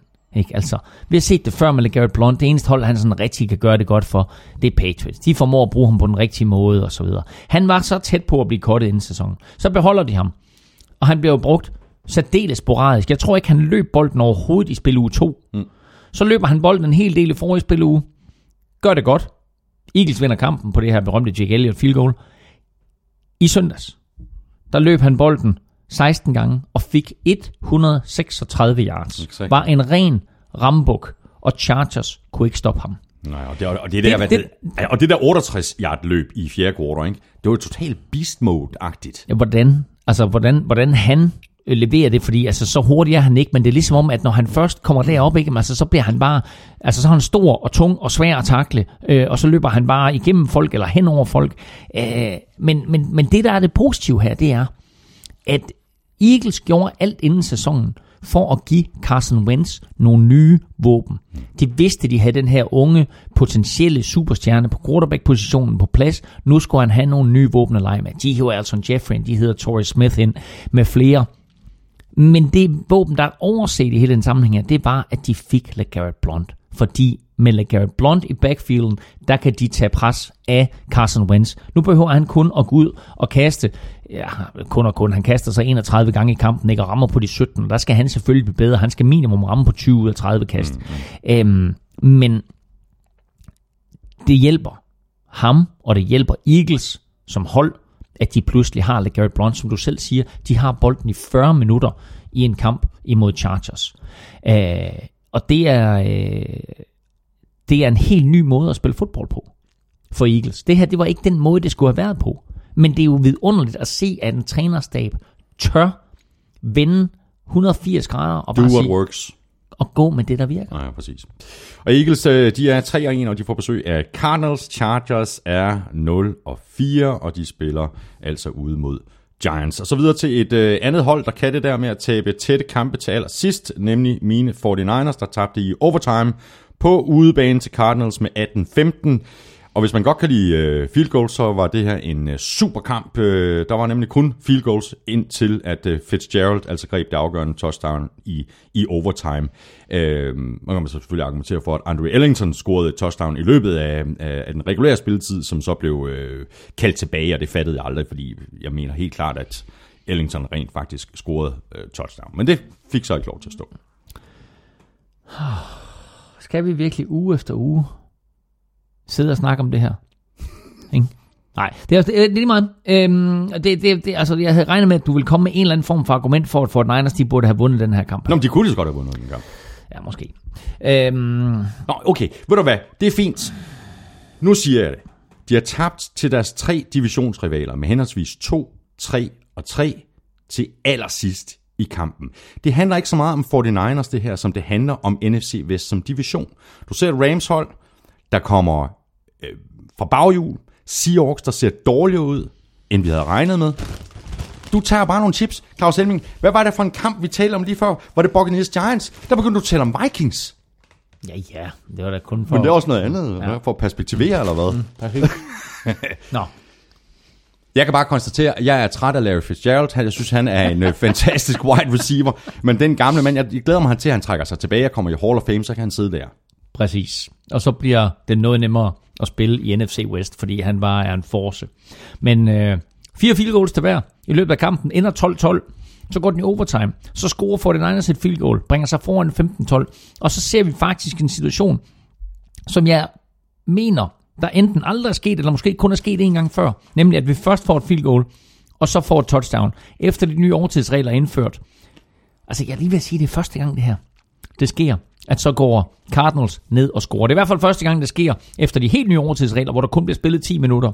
Fordi det her, det betød, at da Fort Niners havde scoret deres field goal, der havde Cardinals jo meget, meget lidt tid at gøre med. Mm. Ja, de fik virkelig brugt meget af de her, og det er jo kun 10 minutter, man har at gøre, det, jeg siger, gøre de her, med, ikke? så, øhm, så derfor så var der lidt pres på, og så ender det hele med, at Carsten Palmer, han kaster et touchdown til Larry Fitzgerald, og altså hatten af for de to, og, og hatten af for øh, ikke at gå øh, efter det konservative, og få det, få det field goal og udligne til 15-15, og så er kampen overstået. Mm. Her, øh, med 32 sekunder igen ud af de 10 minutters overtid, så kaster Carsten Palmer til Larry Fitzgerald. Og det er sådan en 50-50 bold. Men han, der, der er ikke nogen, men, altså... men, men 50-50 bold er bare ikke 50-50 bold, når, Når du det er kaster til Fitzgerald. Nej, nej. Præcis. Ja, ja, præcis. Men øhm, Cardinals har lidt problemer på deres øh, offensive linje, og så stod de så også over for, øh, der må jeg jo bare øh, sige, at 49ers øh, defensiv front øh, ser rigtig, rigtig god ud. Øh, den her defensiv mm. ser ud til at være fuldstændig på sporet. Øh, de fik øh, øh, Carson Palmer, han blev sækket seks gange, ramt yderligere 11 gange, og så fik øh, Elvis Doumeville i øvrigt sit sack nummer 100 og 101. Præcis. Øh, du må velkommen til Fort Niners inden sæsonen. Det var en lille smule overraskende, fordi man havde forestillet sig, at hvis han skulle fortsætte karrieren, så ville han spille for et hold, som havde en mulighed for at kæmpe med om slutspilspladser. Men øh, han valgte altså Fort Niners, og øh, en af de grunde til, at han ønskede at spille videre, var selvfølgelig, fordi han gerne ville i 100 sack-klubben. Og øh, det kom han. Øhm, og øh, dermed så har han altså en lille eksklusiv gruppe af spillere. Der er kun 32 spillere i øh, NFL's historie, der har haft 106 eller flere.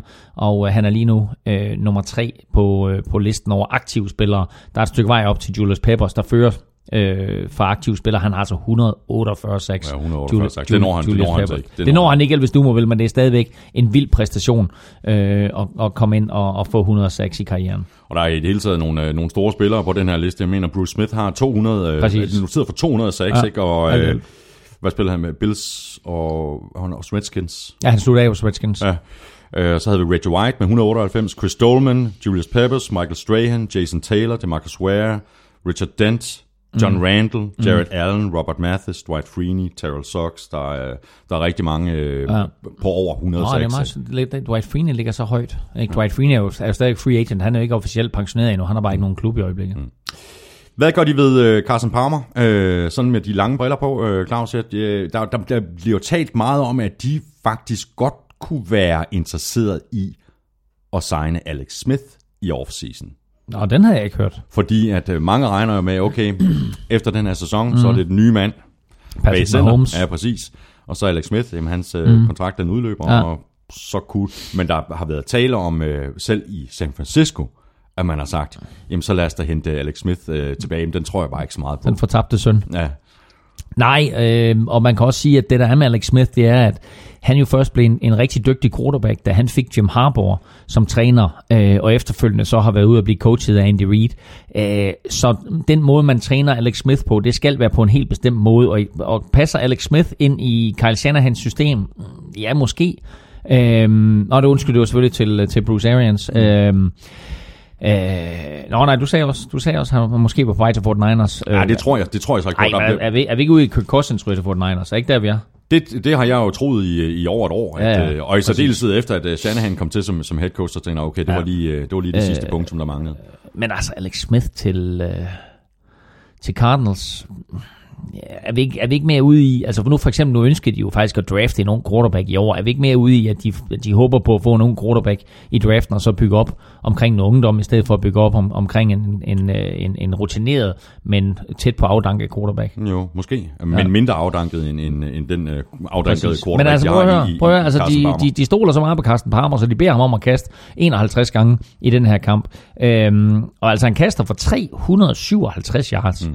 Godt nok kun for et touchdown og, og en interception og så videre, og rammer på øh, omkring to tredjedel af sin kast. Øhm, men altså, han, han, han, kan- altså når, han, når han får tid, så er han jo faktisk ret effektiv. Når han ikke får tid, så er han ikke effektiv. Nej. Altså, så har han ikke ret meget tilbage i han er, tanken. nej, og han er heller ikke så mobil, som han har været. Han er slet ikke mobil. Nej. Øh, helt store problem for, for 49ers, jamen, der er ikke nogen tvivl. Øh, jeg har simpelthen læst så mange stats i den her uge, øh, hvor jeg også har prøvet at kigge efter, om det kan være, at problemet er på O-line eller andet. Men øh, 49ers O-line har spillet overraskende godt. De, ligger, øh, de ligger i top 10 øh, altså, i hele mm. ligaen.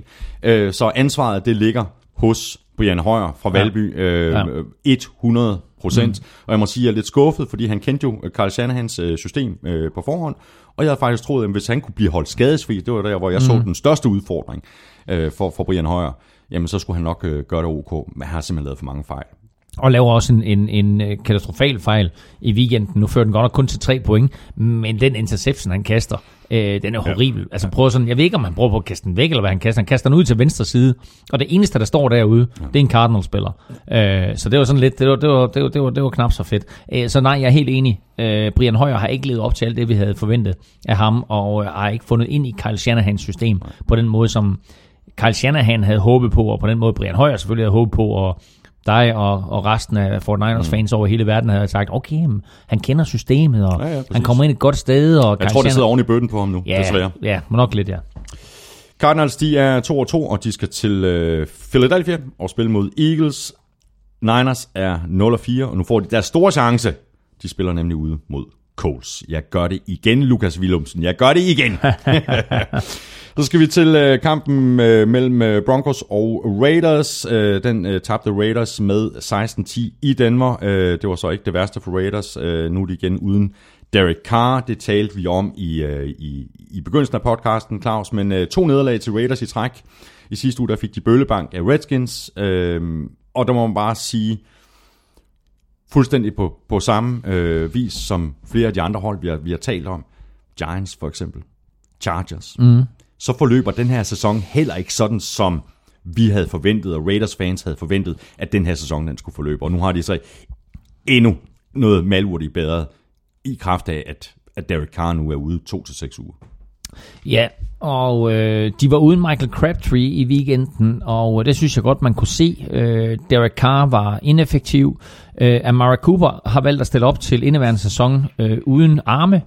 øhm, og for enden af armen, der sidder hænderne. Det er som regel dem, man bruger til at gribe med, men det, det har han altså valgt ikke at, ikke at stille op med.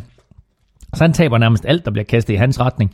Øhm, det her, det er ikke en god sæson for, for Raiders. Det er ikke en god sæson for Derek Carr. Det er heller ikke den homecoming for Marshall Lynch, som han havde håbet på. Øh, det her øh, Raiders øh, angreb, som vi havde forventet store ting af, de scorer 10 point imod Broncos. Og ja, Broncos er et godt øh, forsvar, virkelig godt forsvar. de er både skarpe imod løbet. Det har de bevist i de 40, fire første uger, hvor de har holdt fire superstjerne running backs til til sammen 95 yards. Ja, det er fuldstændig vildt, og de skubbede jo simpelthen, altså deres defensive linje skubbede ja. Jo simpelthen bare rundt med, ja. Ja. med Raiders O-line. Men prøv, prøv at tænke på, ikke? Nu, nu taler vi om de her hold, som ikke øh, adresserer deres øh, øh, helt åbenlyse svagheder. Broncos gjorde det. Broncos sagde, vi ved, at vores løbeforsvar sidste år var en skygge af, hvad det var for to år siden. Hvordan opgraderer vi det her? Og så hævde de øh, to store betonklodser ind. Den ene beholdt de, den anden smed de på borden igen. Men de beholdt Domato Pico i midten. Og der er ikke noget til fejl, når man ser ham spille, fordi han har det længste garn. Efter Troy Polamalu går på pension, så har Pico det længste garn i NFL. Han er også sådan en Samoan dude, ikke? Altså, og øh, han står derinde i midten, og han har bare skabt øh, fundamentet for, at Broncos er lige nu ligaens giftigste forsvar imod løbet. Så har de samtidig altså no-fly zone hmm. med øh, Agib Talib og Darren Stewart og øh, hvad hedder han, øh, den anden cornerback, som øh, Chris Harris. Øh, altså, så, så det her det er et forsvar, der både kan stoppe løbet og kan stoppe kastet, og det er jo altså opskriften på succes, ikke blot i en enkelt kamp, men i løbet af en hel sæson. Og hvis de så kan få angrebet til at producere nok point, de behøver kun 16 point i weekenden her for at vinde, ikke? så har vi formlen, som gjorde, at de vandt Super Bowl 50. Ja, for det var lige præcis det samme, vi så. Lige præcis i Det den var sæson. fuldstændig samme sæson. Ja. Og nogenlunde lige, lige så dårlige quarterback-spil øh, med, med Trevor Simeon, ikke? Altså, han er jo ikke... Han har haft en god kamp. Han har haft en- han spillede fantastisk mod Cowboys, og resten det har været så-så, ikke? Jo, præcis. Men øh, hvad, hvad gør de? Jamen altså, de, hvis de kan komme langt, øh, og så jamen, sats på at have en, en Travis Simeon, som ikke øh, begår alt for mange øh, store fejl, jamen så kan man jo godt komme, øh, komme langt. Defense wins championships. Præcis, og det er det, de skal satse på lige nu. Ikke? Så, skal de formå, så skal de formå sådan i, i løbet af, af sæsonen her at gøre øh, simpelthen skarpere og, og minimere de plays, hvor det kan gå galt på, og så sige, okay, vi er fint tilfreds. Øh, Det er fuldstændig lige meget, hvad, hvad, hvad kampen ender. Bare der står et W ude for os, når vi er færdige. 16-10 over Raiders, det er en fin sejr. Det er en sejr inden for divisionen imod en modstander, som vi på forhånd vidste, vi kommer til at kæmpe med om den her divisionssejr. Nu er Chiefs selvfølgelig 4-0. Men altså, jeg vil sige, øh, Broncos har opgraderet deres forsvar med Domato Pico, og så hatten af for Jamal Charles på angrebet, som de også hiver ind. Ikke? Altså alle de her forskellige klubber, der hiver nye running backs ind i, i offseason, inklusive Vikings, der hentede Latavius Murray, de vil ønske lige nu, at de har hentet Jamal Charles, fordi Jamal Charles ligner sit gamle jeg. Ja, det. Han er super Og så har de oven i købet CJ Anderson også. Ikke? jo jo, han er jo kun anden running back, Ja, ja, ja. ja. Jamal Charles. Øh, men Jamal Charles ser eksplosiv ud, øh, og de har jo ingen, ingen gang pakket ham sådan rigtigt ud som receiver endnu. Fordi han var jo virkelig skarp, ja. da han spillede for Chiefs, når han greb bolden ud af backfielden. Øh, så det her, det kan blive et rigtig fint våben sådan øh, i løbet af sæsonen for Trevor Simeon, og et våben, som kan åbne nogle ting op for ham. Og lige nu der er Broncos altså 3 og 1, og de har bye week. Raiders de er 2 og 2, og de spiller hjemme mod Ravens. Og så videre til et øh, super vigtigt øh, divisionsopgør, som endte med en rystende storsejr til Texans på 57-14 over Titans.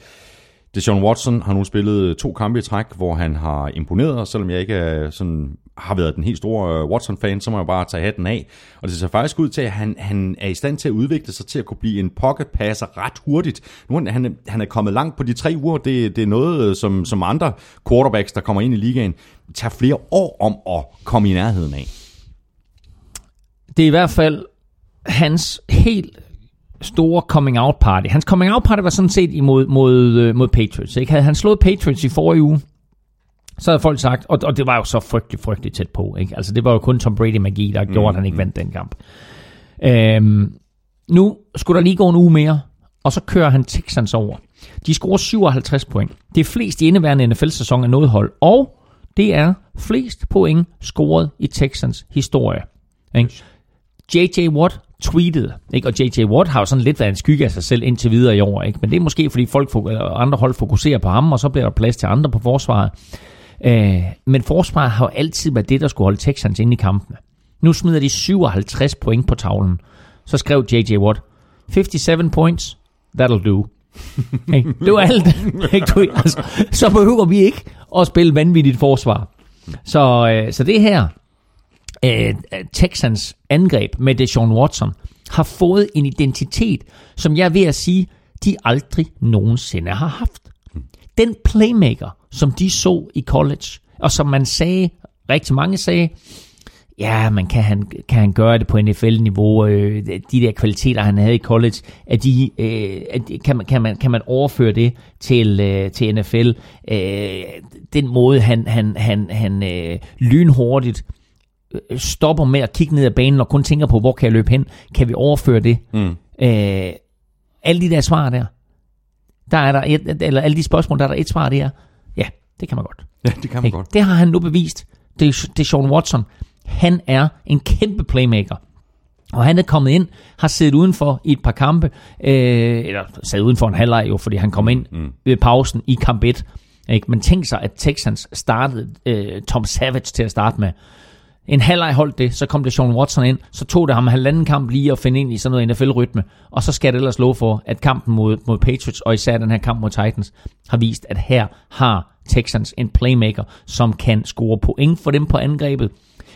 Gør også, at det Andre Hopkins pludselig ligner den receiver, vi ved, han er. Og Fuller var tilbage. Will Fuller, men, men, ja, og, og Will Fuller griber to touchdowns og alt det der. Men det jeg vil sige, det er, der er så stor forskel på timing. Lad os bare sige, Tom Savage leverer bolden et halvt til et helt sekund senere end det Sean Watson. Det halve til hele sekund, det gør, at cornerbacken kommer tættere på DeAndre Hopkins, kan slå bolden fri, eller måske endda lave en interception. Det Sean Watson leverer den, den der halve til hele sekund hurtigere. Det betyder, at DeAndre Hopkins, når han kommer ud af sit break, så er han fri. Det betyder, at han har en lille bitte smule ekstra tid til at gribe bolden. Det betyder også, at han har en lille bitte smule ekstra tid til måske lige at shake den der øh, forsvarsspiller mm. og få ekstra yards. Det er helt vildt så god timing. Det Sean Watson, han har med de her receiver. Tag i betragtning af, hvor lidt han har spillet. Tag i betragtning af, at han er rookie. Jeg er helt oppe over ham. Hele USA er helt oppe over ham. Nu skal han bevise, at det ikke var sådan en engangs- eller en togangs forestilling. Mm. Fordi det her, Men, men ved du, hvor, øh, hvor, hvor, hvor meget øh, Texans fans de sidder og banner også lige nu? Det her. de er elendige Texans. Skal vi bare lige runde uh, Titans? Uh, vi, vi talte jo faktisk en, del om uh, Marcus Mariota i, i begyndelsen af udsendelsen, så jeg ved faktisk ikke rigtig, hvor, hvor, hvor, hvor meget mere der er at sige. Andet end, at jeg i virkeligheden ikke synes, at Mariota så specielt god ud, før han gik ud. Gjorde han ikke? Ah, det Altså prøv at, ja, okay. Han kaster to interceptions. Ja. De er, det, er ikke, det er ikke verdens pæneste interceptions. Men øh, derudover så leverer han faktisk nogle ret gode kast. Han har de der to touchdown-løb. Øhm, men altså to interceptions er to for mange i en, en så vigtig kamp som det der. Øh, jeg synes ikke, at han var så dårlig, som, som du måske lige vil gøre det til. Jeg synes heller ikke, at han på nogen måder var Øh, Jamen, jeg synes ikke, han var dårlig. Jeg, jeg, jeg vil bare sætte spørgsmålstegn ved, hvor god, fordi jeg er kæmpe Marcus øh, Mariota-fan. Mm. Øh, langt større er fan af ham, end, end, end af Deshaun Watson.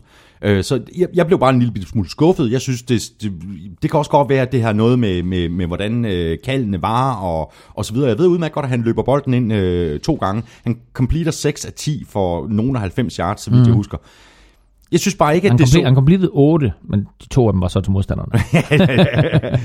Øhm, jeg ved ikke, altså det er måske også bare fordi, jeg har forventet mig me- meget mere af, af, af det her Titans angreb. Og af Marcus Mariota. ja. Øh, men der bliver også lagt voldsom, voldsom pres på, i og med, at Texans laver 30 point i første halvleg. Det er klart. Texans laver 30 point i første halvleg. Så vil sige, jamen, det her Titans forsvar, havde vi ikke store forventninger til det inden sæsonen? Jo. Kæmpe. Mm-hmm. Vi kiggede på dem og sagde, okay, der er nogle virkelig, virkelig gode spillere på plads her. Ikke? De får Adore Jackson ind øh, via draften. Og der er sådan andre spillere, som kommer til, hvor man bare tænker, okay, det her Titans forsvar, ikke? på papiret, så, så er de altså virkelig gode. De har skuffet enormt i de fire første spilleuger. Øh, så øh, vel sagtens kun imod Blake Bortles, at det her Titans forsvar har levet op til de forhåbninger og forventninger, vi havde på forhånd. Mm. Og her imod Texans og mod rookie Deshaun Watson, der bliver de da i den grad udstillet. Og øh, så ender Marcus Mariota altså også med at blive skadet. Og så kommer god gamle Matt Castle jo ind. Øh, og det er ham, Matt Castle, som er quarterback nu, øh, startende. Og så må vi se, hvad der sker med, med Brandon Wheaton. Og så stiller jeg bare spørgsmålet igen. Ja. Hvor er, men hvor er Ja. Colin Kaepernick? ja, det var en lille idé til dig, øh, der er korsmed. Mm. Der er noget at arbejde videre med. Titans, de er 2-2. De skal til øh, Florida, spille mod Dolphins. Texans er også 2-2, og de spiller hjemme mod Chiefs, og det er der en monsterfed kamp. Det er en... Øh, altså prøv at, det, er- det er jo ugens kamp. Ja. Texans mod Chiefs, Det ikke? det. Altså, øh, så, øh, så det er, øh, det, det er en kamp, øh, hvor hvis man ikke lige bliver op og ser den der søndag nat, altså natten til, til mandag, så kan man jo, og det er ikke noget, vi får penge for at sige det her, men man kan jo via Game Pass se den øh, om morgenen øh, på det, der hedder Game in 40. Jeg står op hver mandag morgen, jeg står op hver tirsdag morgen, og så ser jeg søndagens og mandagens kamp. Det kan godt være, at jeg bliver op mandag nat, fordi der spiller Vikings mod Bears. Det kan godt være, at jeg bliver op der og så mm. den. Men ellers er det der Game in 40, altså det er jo fantastisk. Men har du haft problemer med Game Pass de seneste Ja, uger? kæft. Hold kæft, hvor har det været træls, var? Ja, jamen det er helt vildt. Altså prøv at høre, da, da jeg gik i seng i går aftes, der stod, der havde jeg bare, du ved, badebold øh, på mit Game Pass. Så øh, det, det tænkte jeg, "Nå, men det, det kommer jeg det ikke været sådan fuldstændig det, random, det, det, det, kommer jeg ikke i kontakt med i aften. Nej, det der. det er Så når jeg kommer hjem, så håber jeg på, at der er gang i den igen. Dybt, dybt utilfredsstillende. Man Ja. betaler Men- forholdsvis mange penge for det der Game Pass. Det er omkring 1800 kroner Og om- NFL, om året, ikke? NFL er også blevet svinet til, og ja, de Ja, har haft et med par uheld, med god et med et par uheldige sager. Ja. Øh, og nu er det her NFL-show, så vi kan godt tage det op og vende. Øh, NFL har skiftet udbyder, øh, programmeringsudbyder. Før der var noget, der hed øh, New Lion, og nu noget, der hedder et eller andet italiensk firma, der hedder Deltatre. Og når man ser på, Så hvad der man sker... også selv ud om det, hvis man skifter til italiener, ikke? Præcis. Altså, hvis man ser på, hvad der sker med IC4-togene øh, og Storebæltsbroen for den sags skyld, ikke? Øh, så ved man, at øh, man skal lade være med at, at hive øh, italienere ind over sådan noget som det der. Så øh, nu har der været lidt problemer med, at for det første, så fungerer det ikke øh, øh, optimalt. Og for det andet, så er en ret penibel situation, det er, at øh, så laver de en eller anden opdatering her i, den forgangne uge, og så pludselig så er der en masse gode reviews. Hey, nu fungerer det, det er super fedt, og fantastisk app, og det hele spiller, og tak for gode features, og så videre. Ikke? Nu går man ind og tjekker, hvem der har skrevet det der. Så er det alt sammen ansatte på Deltatra. Ikke? Simpelthen så pinligt. Den har NFL ikke helt forholdt sig til endnu. Nej, Ikke? det er pinligt. Ja, det er virkelig pinligt. Ja. Nå, men det, det vi er enige om, øh, den her Texans-Chiefs kamp, det er ugens kamp i næste spillerunde. Det var ikke ligefrem øh, ugens kamp, da Browns spillede mod Bengals. Ingen af de øh, to hold havde sejre før den der kamp i sidste uge. Det har Bengals så nu. Øh, de vandt øh, med 31-7. Elming, sidste år, der var Browns jo med i mange af kampene. Det er de ikke i år. Det virker som om, at de har taget et skridt tilbage, i stedet for det skridt, som vi forventede, at de ville tage fremad. Øh, de, okay, de manglede øh, Jamie Collins og, øh, og Shelton på, på, på forsvaret, men det, det forklarer jo ikke problemerne på angrebet. Nej, det er Sean Kaiser er kommet i en situation, hvor han kommer ind, overrasker alt og alle i spil U1, er tæt på at besejre Steelers. Og øh, så er det gået ned ad bakke derfra. Øh, han er jo pludselig, virker han lidt overmatchet. Pludselig så virker han til, at hov, der var forskellen på college og NFL, at han ser nogle looks, og han opdager, at spillere på det her niveau bare er hurtigere, større og stærkere, end han er vant til. Og øh, i weekenden imod Cincinnati, der kaster han tre interceptions, og virker sporadisk, virker øh, frustreret, virker øh, forvirret.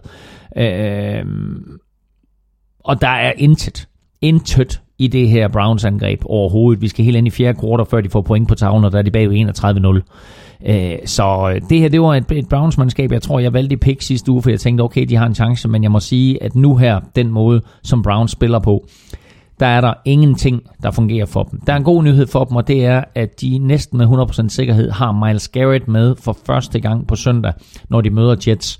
Øh, om det er nok til at vinde imod Jets, det tvivler jeg på, og derfor også det spiltip, jeg kom med tidligere.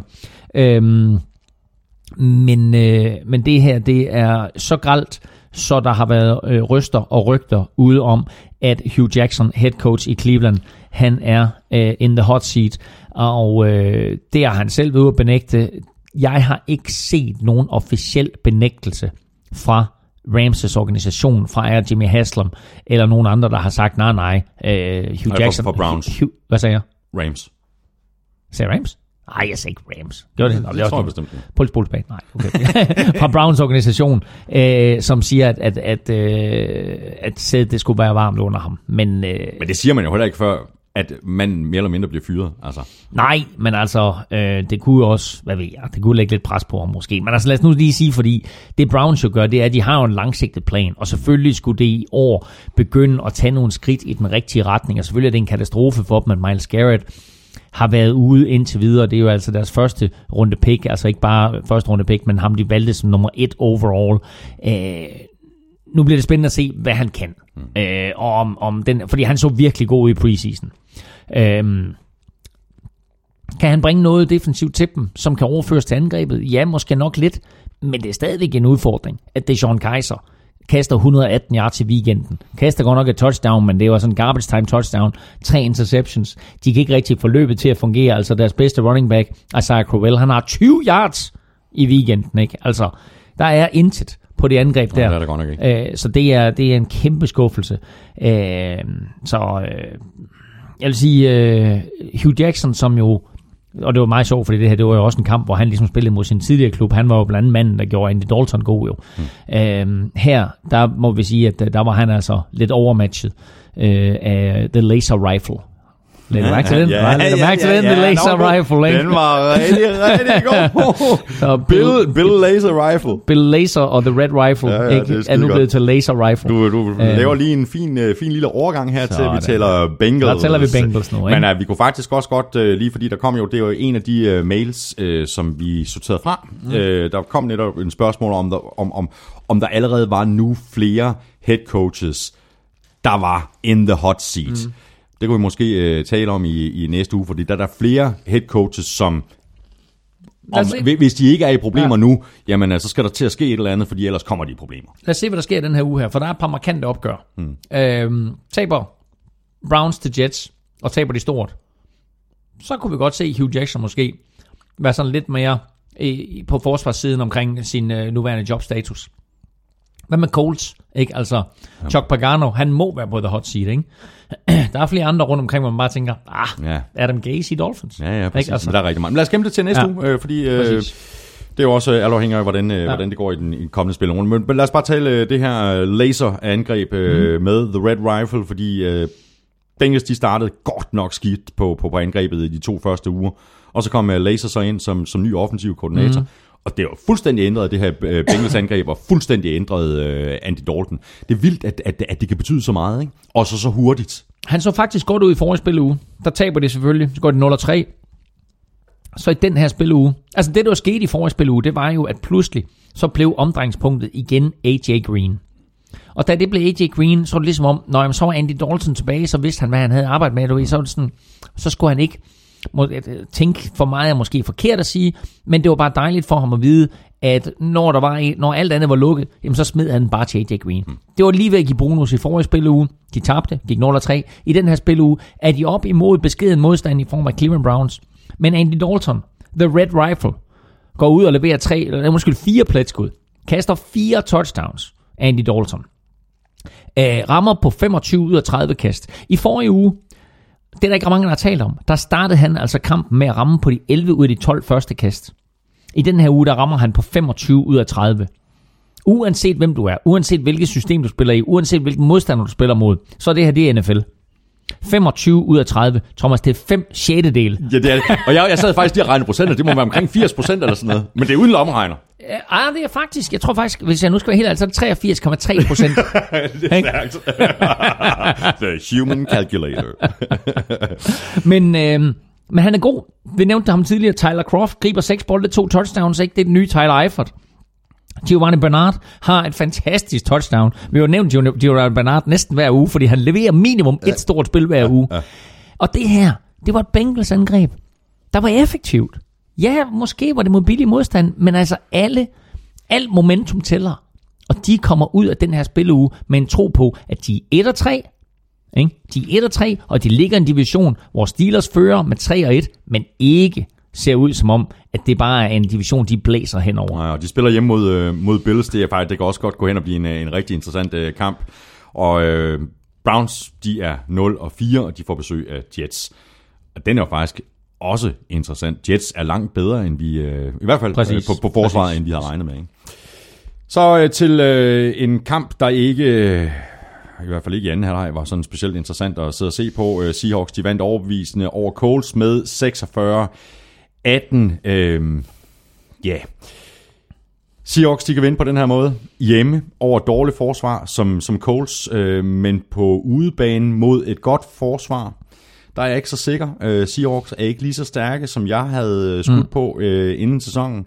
Og jeg ved ikke, hvor langtidsholdbart det er at se en, en Russell Wilson øh, løbe med, med, med benene på nakken, samtidig med, at han skal forsøge at, at finde en åben mand ned ad banen. Apropos momentum, så kan den anden halvleg, som Seahawks spiller, være med til at give dem en masse momentum til de kommende kampe. De er bagud til Colts med 15-10 ved pausen. På Og- hjemmebane. Og det touchdown, de scorer, det er et defensivt touchdown. De scorer ikke et offensivt touchdown i første halvleg. De kommer til et field goal, det er det. De er bagud 15-10 ved pausen til Colts. Okay, så vinder de anden halvleg, og det er brutalt. 36-3. 33 points, pointforskel er den største i Seahawks historie i anden halvleg. Så selvfølgelig er det brutalt. Der er faktisk også et defensivt touchdown mere derinde. Ikke? Så Colts giver to defensive touchdowns væk i den her kamp. Men den anden halvleg kan Ja, og være... Jacoby, Brissett er involveret i den begge to, ikke? Ja, Kaster en interception, og så er der strip sack til, til præcis, sidste kamp, ikke? præcis. Øhm, men den anden halvleg er bare så væsentlig for Seahawks, fordi de forventer det hele rundt. Ikke? Altså, der har ikke været ret meget momentum, og så har folk har sådan kigget du ved, efter 3,5 øh, 3,5 kampe, og sagt, hvor er det her Seahawks hold inde? Vi har forventet os så meget af. Og så kommer de i anden halvleg. Så er Russell Wilson der. Øh, ikke at hans offensive linje blev markant bedre, fordi de var inde og, og få te i pausen, men det var bare ligesom om, at der skete et eller andet med det her hold. Øh, og måske var det øh, den øh, running back, der vi talte om, J.D. McKissick, som kom ind og gav et boost. Øh, hvis han kan komme ind og levere, som han gjorde, score to touchdowns, øh, ser rigtig fornuftigt, eller scorer han en enkelt, griber han et også? Nej, han griber et også. Øh, løber J.D. McKissick for øh, godt nok kun for 38 yards, men griber øh, også et enkelt, et enkelt kast for 27 yards. Men viste, hver gang han havde bolden i hænderne, så viste han acceleration og fart, aggressivitet og en evne til at ramme hullet lynhurtigt mm. og hårdt, uden at det skal være frægt. Den der, den, kom, den kommer helt sikkert op på Twitter, og du ved det. Ikke? Altså, vi kan ikke sige noget af det her show. Jeg kan der- give, jeg kan give øh, tidskoden, det er 2.26. Præcis. Øh, Ej, jeg er på 20. 2.26 allerede. Nu skal vi også... Nu skal, ja, godt. Det korte lange det er, han kan være den gnist, som det her angreb har brug for, og han kan hjælpe Russell Wilson og den offensive linje. Lykkes det, fortsætter det med det, så er det her Seahawks-mandskab ikke tæt på der, hvor vi havde forventet, men på vej derhen. Mm. Vi får se. Uh, han får chancen for at vise sit værd, uh, og det gør han, uh, når Seahawks, der jo er 2-2, spiller ude mod Rams. Colts, de er 1-3, og de spiller hjemme mod 49ers. Så mangler vi bare uh, Monday Night-kampen mellem uh, Chiefs og Redskins. Uh, superkamp, uh, som Chiefs endte med at vinde med 29-20. Kampen blev lukket til allersidst med et field goal. Uh, lidt quarterback-snak. Uh, Ja, det, no, ja, det gjorde den jo så ikke, fordi det var, det var præcis det der. Det står 20-20 Det står 20-20, og så scorer Chiefs et field goal til 23-20. Og der skal et enkelt kickoff til. Og så sparker de bolden, og så øh, kaster Redskins bolden lidt frem og tilbage, og så får Justin Houston fat i den, og så scorer han touchdown, mm. og på det efterfølgende øh, ja, ekstra point, two point conversion, der tager Alex Smith bare et knæ. Det korte og lange, det var, at det stod 20-20. Og faktisk stod det 20-17 til Chiefs, hvor Redskins kører ned, og Kirk Cousins rammer Josh Dodson i endzone. Josh Dodson griber bolden, men da han rammer jorden, hopper bolden ud mellem hænderne på ham. Det var et touchdown, Josh Dodson havde i hænderne, som kunne have bragt Redskins foran 24-20 med omkring 3 minutter igen agtigt et eller andet. Og Kirk Cousins, han, har, han, han spiller endnu en god kamp. Ikke? Altså, han er virkelig også rigtig lækker og dyr i, i offseason. Kirk Cousins er god. Angrebet er godt. Terrell Pryor var der sågar. Josh Stockton taber den der. Øh, Vernon Davis øh, var, var, var, var sjov at se på, men det er alt sammen ligegyldigt, fordi det her Redskins forsvar, det er den helt store historie.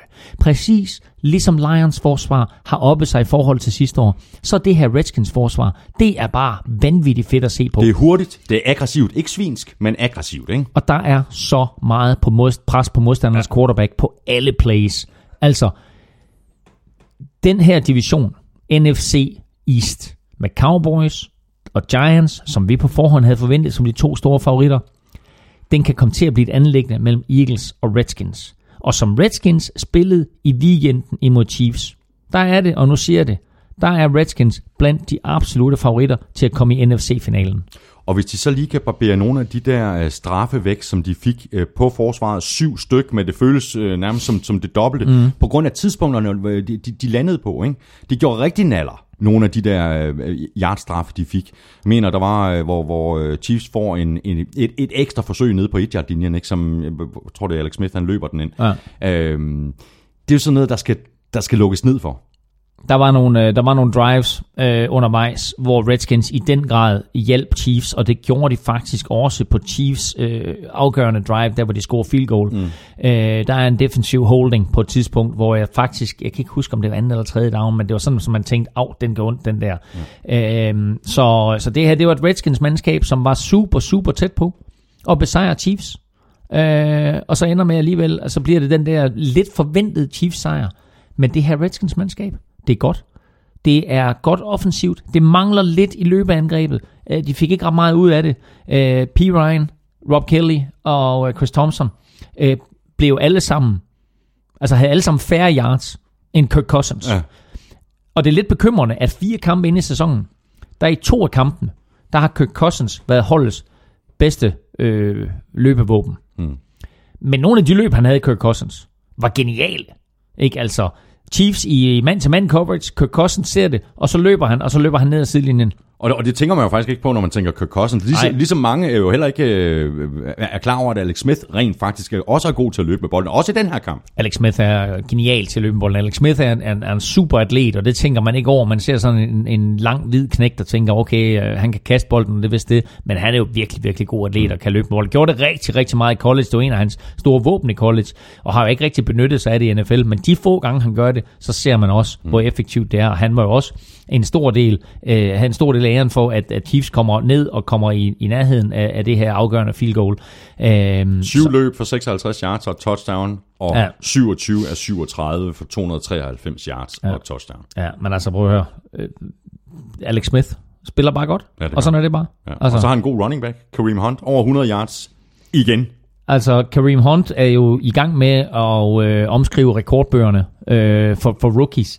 Han har lige nu 659 yards alt i alt. 502 rushing, 757 øh, receiving. 659 yards. Hvis han holder det her niveau, så når han op på 2.636 yards.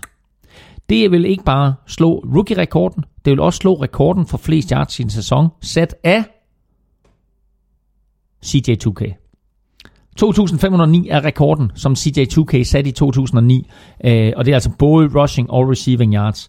Øh, hvis han holder det her tempo, så vil han også slå Eric Dickersons rekord for flest yards i en rookie-sæson.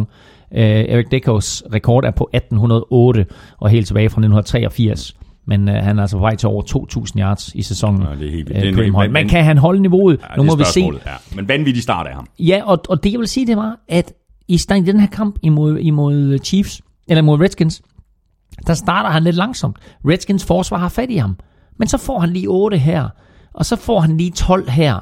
Du ved, altså, der er hele tiden de der løb der. Og så inden man får set sig om, så har han 101 yards, så tænker man, hvor kom de fra? Og det er, den, det er det aspekt, han giver til det her Chiefs-mandskab. Og Chiefs er øh, det eneste hold tilbage, der er ubesejret. De er 4-0, og de spiller ude Sunday night mod Texans. Redskins er 2-2, og de går på deres bye week.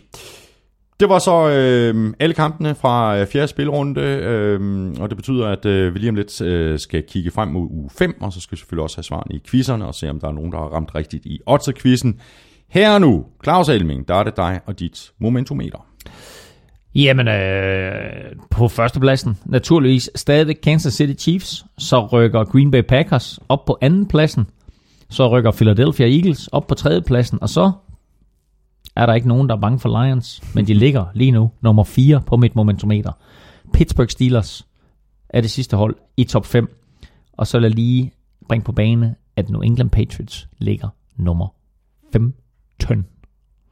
Crazy. De er helt uden for top 10. Mm. Og så er der enkelt hold i skammekrogen. Miami. Dolphins. Altså den indsats, de leverede i London, ja, det, var, det var så pinligt. Det var, det var og, skandaløst. og, som jeg skriver på mit momentometer, de er touchdown i sidste sekund i sidste uge, fra at have fået to æg i streg. Ja. Pinligt. Pinligt, rigtig pinligt. Og hvis du øh, vil øh, se hele det her momentometer, jeg kan kun opfordre dig til at gå ind på gulklud.dk og læse det her momentometer, fordi den gode Claus Elming, tro det eller lad være, rent faktisk er sjov i det her momentometer. Han skriver sjov ting, altså det er sjovt. Nå, ej, hvor er du sød, hvor er du sød. Ja. Inde på gulklud.dk, der øh, ligger der. Og så skal vi have... Vi skal have quizzen. Åh, Det er tid til quiz, quiz, quiz, quiz, quiz. Claus Elming, jeg har, jeg har tænkt og tænkt og tænkt og tænkt. Øhm, det der med Oilers, der, det fik jeg så det fik jeg et point for det, eller hvad? Ja, ja, selvfølgelig. Altså, det, det, sig lige med det samme. Altså, min, min quiz til dig lød jo øh, ganske simpelt. Øh, Texans er fra Houston. Hvad hed det tidligere hold i Houston? Ja, Oilers. Ikke? Og det hed hvad? Oilers. Altså, ja, Houston Oilers. Ikke? Det var der et point for. Mm. Så kan du få et point for at sige, øh, hvor Kansas City rent faktisk spillede til at starte med, og hvad deres oprindelige efternavn eller kælenavn var. Ja. Og jeg har tænkt og tænkt og tænkt og tænkt. Ja. og tænkt. Og det eneste, jeg kan komme i tanke om, det synes jeg næsten er så pinligt, at jeg ikke vil sige det højt. Okay, Men jeg gør det alligevel. ja. Eller gør det. Ja, det, det, altså, nu, nu, nu sidder alle, inklusiv Claus oppe i Frederikshavn. Og tænker, hvad, hvad, venter. hvad er det for noget pinligt noget, han har tænkt på? Hvad, hvad er det, han har tænkt på? Øhm, Jeg, jeg, jeg, altså, når jeg, når jeg går det der, så bliver jeg meget, over, jeg, jeg er meget med over for ty. Ikke? Claus han sidder og siger, hvorfor taler han ligesom en for ty, ham der? Du taler ligesom ham der, der har spillet klaver i Drengene fra Angora. Tillykke fra Henrik Solgaard. Ja, nemlig, ja. Claus Elming, øh, der er et eller andet... Ah! Der er et eller andet, der siger, siger Texas for mig. Texas. Ja, Ja. Kansas City Chiefs startede i Texas. Det vil jeg give et halvt point for. De startede i Dallas. Et point! Sådan der! Men det var, nå, okay. Det er rigtigt. Kansas City Chiefs var oprindeligt fra Dallas. Men hvad hed de? Det var jo rigtig sjovt, hvis de havde heddet Oilers i starten. Ja. Så havde det været en stor kluder. Nej, det, Men, ved, men det- tænk, det- tænk videre i den retning der. Fordi hvad hed de? Hvem skal de spille mod i weekenden? Tex, Texans. De Tex- hed oprindeligt Dallas Texans. Det er ikke rigtigt. Det er rigtigt. Nej, det vidste jeg ikke. Og det var derfor, da jeg så Texans skulle spille mod Chiefs, så tænkte jeg, "Nej, det er meget sjovt. Det er de to Texans-mandskaber mod hinanden. Så Houston Texans spiller i weekenden mod Dallas Texans.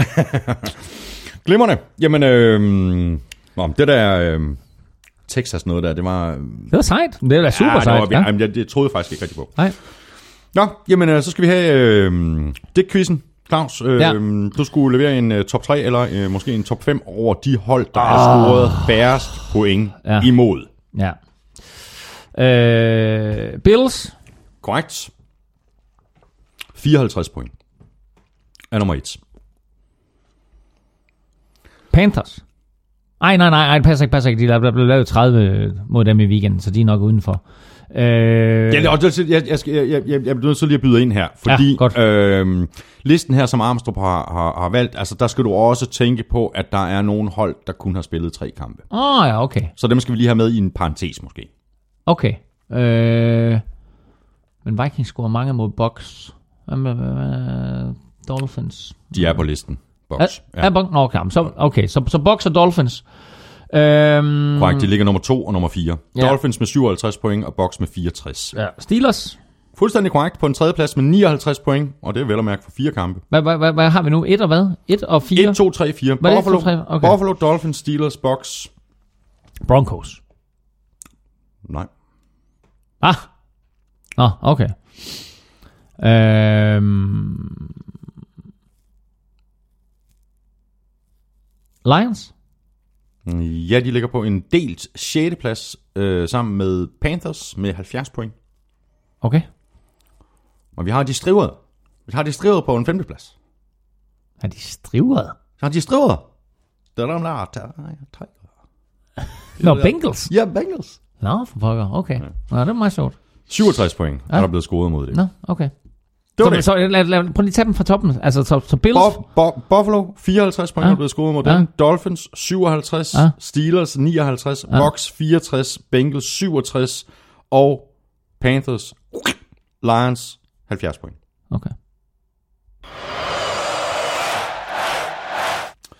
Skal vi se, hvordan det gik med øh, Otze-quizzen for spillerunde 4. Det gik øh, nøjagtigt lige så skidt som i uge 3, hvor der heller ikke var nogen, der ramte rigtigt. Eneste udsagn i sidste uge, der endte med at holde, det var, at øh, Seahawks ville slå Coles med mindst 14 point. Nu må, nu må I tage sammen derude. Vi skal have nogle af de her free bets til, til danske spil øh, afsted, og du får en, øh, en, en ny chance for at vinde det her free bets. Øh, når du hører det her, så har vi sikkert allerede lagt den nye Otze-quiz op på NFL Shows Twitter-profil, og så har du indtil klokken 19 på søndag til at svare på det tweet, hvor Otze-quizzen er vedhæftet, og så skriver du ellers din bud og afslutter med hashtag Otterquiz.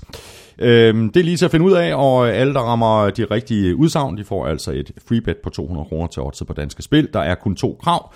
Du skal være 18 for at deltage, og så skal du, hvis altså du vinder, placere hele beløbet på et spil. Nu kommer vi til det rigtig sjove, Claus Elming. Mm. Nu skal vi nemlig have sat vores picks til øh, femte spillerunde. Først så skal vi lige se på, hvordan det gik i sidste uge. Du havde øh, otte flotte kampe rigtigt, Claus. Sådan. Otte flotte kampe, og det var en svær runde. Hvor mange havde du? Jeg havde 10. Ej, det er, alligevel, prøv, det er alligevel flot med 10 kampe i den spilleuge der, for det synes jeg faktisk, det var, det var en giftig spilleuge. Havde du godt nok 10? Jeg havde godt nok 10. Nu er jeg foran med 6. Ja, ja. Så er vi også- 39, 33. Der er så lidt indsparkt her fra, fra, fra Lukas Willumsen. Ja. Øhm, han skriver, Claus er aldrig startet så dårligt i picks. Nå. Blot 33 rigtige i forhold til de øh, to tidligere sæsoner, hvor han på dette tidspunkt har haft henholdsvis 34 og 38 rigtige. Derimod har Thomas formået at sætte ny rekord for NFL-showet med hele 39 rigtige på dette tidspunkt. Claus havde tidligere rekorden med 38. I gik begge imod statistikkerne i sidste uge. Claus har dermed udbygget sin records, når han spiller imod Lions til 1 og 12. Mens øh, Thomas nu har udbygget den noget uheldige stime til 1 og 9, når han spiller på en sejr til 49ers. Og jeg gør det igen, Lukas. Jeg gør det igen. Øhm, så har jeg jo fået en, vi har fået en, en, en mail her fra Steffen Bett. Han har skrevet på mail Han skriver, at øh, det har været svært at sætte picks, synes han, og at det har været nogle vilde uger. For sjovt har han så lavet to hold. Et, hvor han øh, laver picksene ud fra NFL's power ranking, og et, hvor picksene bliver afgjort med en terning. Og den her konto med terning, den hedder The Dice. Og den ligger lige nu på en delt plads nummer 105 ud af cirka 4.000 aktive spillere. Var det noget, du skulle overveje, Claus? Jeg tror, vi gjorde det engang på Zulu også. Hvor, øh, eller var det på det gamle TV2 Sport, hvor jeg var så dårlig til picks, så de andre begyndte at spille med en terning for at se, hvordan det gik. Jeg tror faktisk, terningen vandt. Ej, det var i hvert fald foran et bud. Jeg tror, jeg kan til sidst. Nå, godt. Øh, Jeg tror, det er nu, du skal sætte i gang, øh, Claus. Øh, Ja. Spil u 5. Ja, Buccaneers Patriots. ja. Ah! Box. Ja, jeg siger Patriots. Jeg har ændret det sidste øjeblik Ja, til men det er Patriots. nok også close. Men Ja, nu det siger ved, vi, nu ja, siger vi det ved box. Ja. Browns Jets. Jets, Jets. Lions Panthers. Lions, Der er ingen, der er bange for Lions, men jeg siger Lions. Lions, bliver spændende at se uh, Cam Newton i, i, i den kamp. Colts 49ers. 49ers. Siger du også 49ers? Mm. Dolphins Titans. Jeg siger Titans. det kunne godt være en kamp, hvor Dolphins de kom, i, kom igen øh, på hjemmebane efter det her. Og ved du, hvad det er? Det er deres første hjemmekamp i ja, år. ja, jeg ved det godt. Det er crazy, ikke? Men på grund af Irma, så er det her deres første hjemmekamp i år. Så der skulle Deres første officielt var det ikke en hjemmekamp i London. Altså, den, den, den talte som hjemmekamp, ikke? Jo, det er rigtigt. Men først, jo, Det er første rigtige hjemmekamp. Du har ret. Første, første kamp i, i Miami. Ja. Øhm... Åh, du siger Titans. Jeg har Titans stående her. Øh... Nej, jeg skifter det. Jeg siger, jeg siger Dolphins. Gør du det? Jeg siger Dolphins. Ja, men øh, det er frisk. Ja, Bengals Bills. jeg siger Bengals. Jeg har Bills. Okay. Hvorfor ved jeg ikke. Nej, Giants Chargers. Mm. Jeg siger Giants. Jeg siger Chargers. Really? Really? Og På jeg, udebane? ja, og må jeg lige komme med et øh, godt spilforslag her? Ja. Fordi øh, Giants giver 1,58 på hjemmebane, Chargers giver 2,5 på udebane. Øh, fint nok, du siger Giants, jeg siger Chargers. Det vil jeg ikke begynde at, at, at foreslå. Men man kan få odds 1,68 på, at de her to mandskaber, de scorer over 40 point til sammen. Hvor meget siger du? 1,68? 1,68. Det er meget godt. øh, Det er meget, det er meget godt odds. Meget godt. Glimrende. Jamen, øh, Steelers Jaguars. Steelers. Steelers. Eagles Cardinals. Eagles. Eagles. Og så er det en spændende en her. Øhm, Rams Seahawks, og der er en besked her fra Willumsen, der skriver, at jeg har misset udfaldet i Rams seneste tre kampe. Jamen, øh, det gør jeg sikkert igen, så jeg siger Rams. Jeg siger også Rams. Raiders Ravens, de seneste gange, de seneste seks gange, Claus er gået med en udsejr til Ravens, der har Ravens tabt dem alle sammen. Men ja. Du siger sikkert heller ikke Ravens i den her kamp, eller hvad? Nej, Raiders. Og jeg siger også Raiders. Cowboys Packers. Cowboys hjemme imod Packers. Ja, jeg siger Cowboys. Seriously. Ja, jeg siger Cowboys. Øhm, ja, det gør jeg. Wow. Jeg er god til det her picks. Ja, det er du. ja, jamen, jeg siger Packers. Det er også meget, jeg er også meget tvivl. Mm. Jeg siger udelukkende Cowboys, fordi det er på hjemmebane. Mm. Texans, Chiefs, mm. damn. Mm. Men jeg siger Chiefs. Jeg har Texans stående. Ja. Jeg siger også Chiefs. Bears, Vikings. Miami Vikings. Miami. Hvorfor har jeg skrevet Bears her? Hvorfor har jeg skrevet Er det bare for... Hold bare fast. Hold Mitchell Trubisky. Jamen, nej, nej, nej, fordi jeg tror ikke på det. Jeg, jeg tror, Vikings Okay, vinder. okay. Jeg tror, Vikings vinder. Det er Jeg siger Vikings. Jeg siger også Vikings. Og pick, uh, pick spillet uh, på, på, på Google.dk, det kører bare derudad. Det kører der ud af. Super stolt af at have både øh, Danske Spil og Philips med over som hovedsponsorer. Så fede præmier. Fede ugepræmier hver evig eneste uge. Så uanset om man lige spiller med øh, i løbet af hele sæsonen for at komme efter de, øh, de store hovedpræmier, så kan man jo spille med ugenligt om øh, rigtig, rigtig fede ugepræmier. Glimmerne, og øh, med det øh, gode råd givet videre, så siger jeg tak for i dag. Det har været en øh, fornøjelse som altid. Og hvis øh, du er tosset med øh, fodbold, eller bare er vild med dans, så skal du tage at følge Claus på Twitter på snablag NFLming. Mig kan du følge på snablag Thomas Kvartrup. Og hvis du har Jeg spørgsmål eller tænkt, jeg har kommentarer... faktisk tænkt, jeg har faktisk tænkt på, et, på et nyt program, ikke, der kunne være meget sjovt. Ikke? Ja. Skulle et dans med vildt. Hvor, Hvad? jo, jo, du- så skal du sådan, du ved, så, det er lidt uheldigt, du, hvis du trækker næsehornet, for eksempel, ikke, du ved. Altså, sådan, oh, pis. Jeg ved ikke, om det er nu, jeg skal sige det her, men Nej. hvis du har øh, kommentarer til showet eller spørgsmål, så er du velkommen til at gøre det på Twitter eller på mailsnabel nflshowet.dk. Tak fordi du lyttede med, og kæmpe stor tak til vores øh, gode venner og sponsorer fra Odds på Danske Spil og Tafel. Husk at tjekke NFL Showet på Twitter hver tirsdag, hvor vi nominerer tre spillere til ugens spiller, og hver torsdag, der lægger vi en ny oddset quiz op på Twitter. Tak for nu. Vi høres ved. NFL-showet er produceret af Kvartrup Media, der også producerer Born Unplugged, hvor jeg selv er vært og taler dansk politik med min fætter Henrik hver fredag. Og så er der Premier League-showet og Champions League-showet, hvor Daniel Siglau er vært. Og de her to nye podcasts, de er kommet rigtig godt fra start. Elming og jeg er tilbage med mere fodbold næste torsdag. Ha' det godt så længe. Hot hot.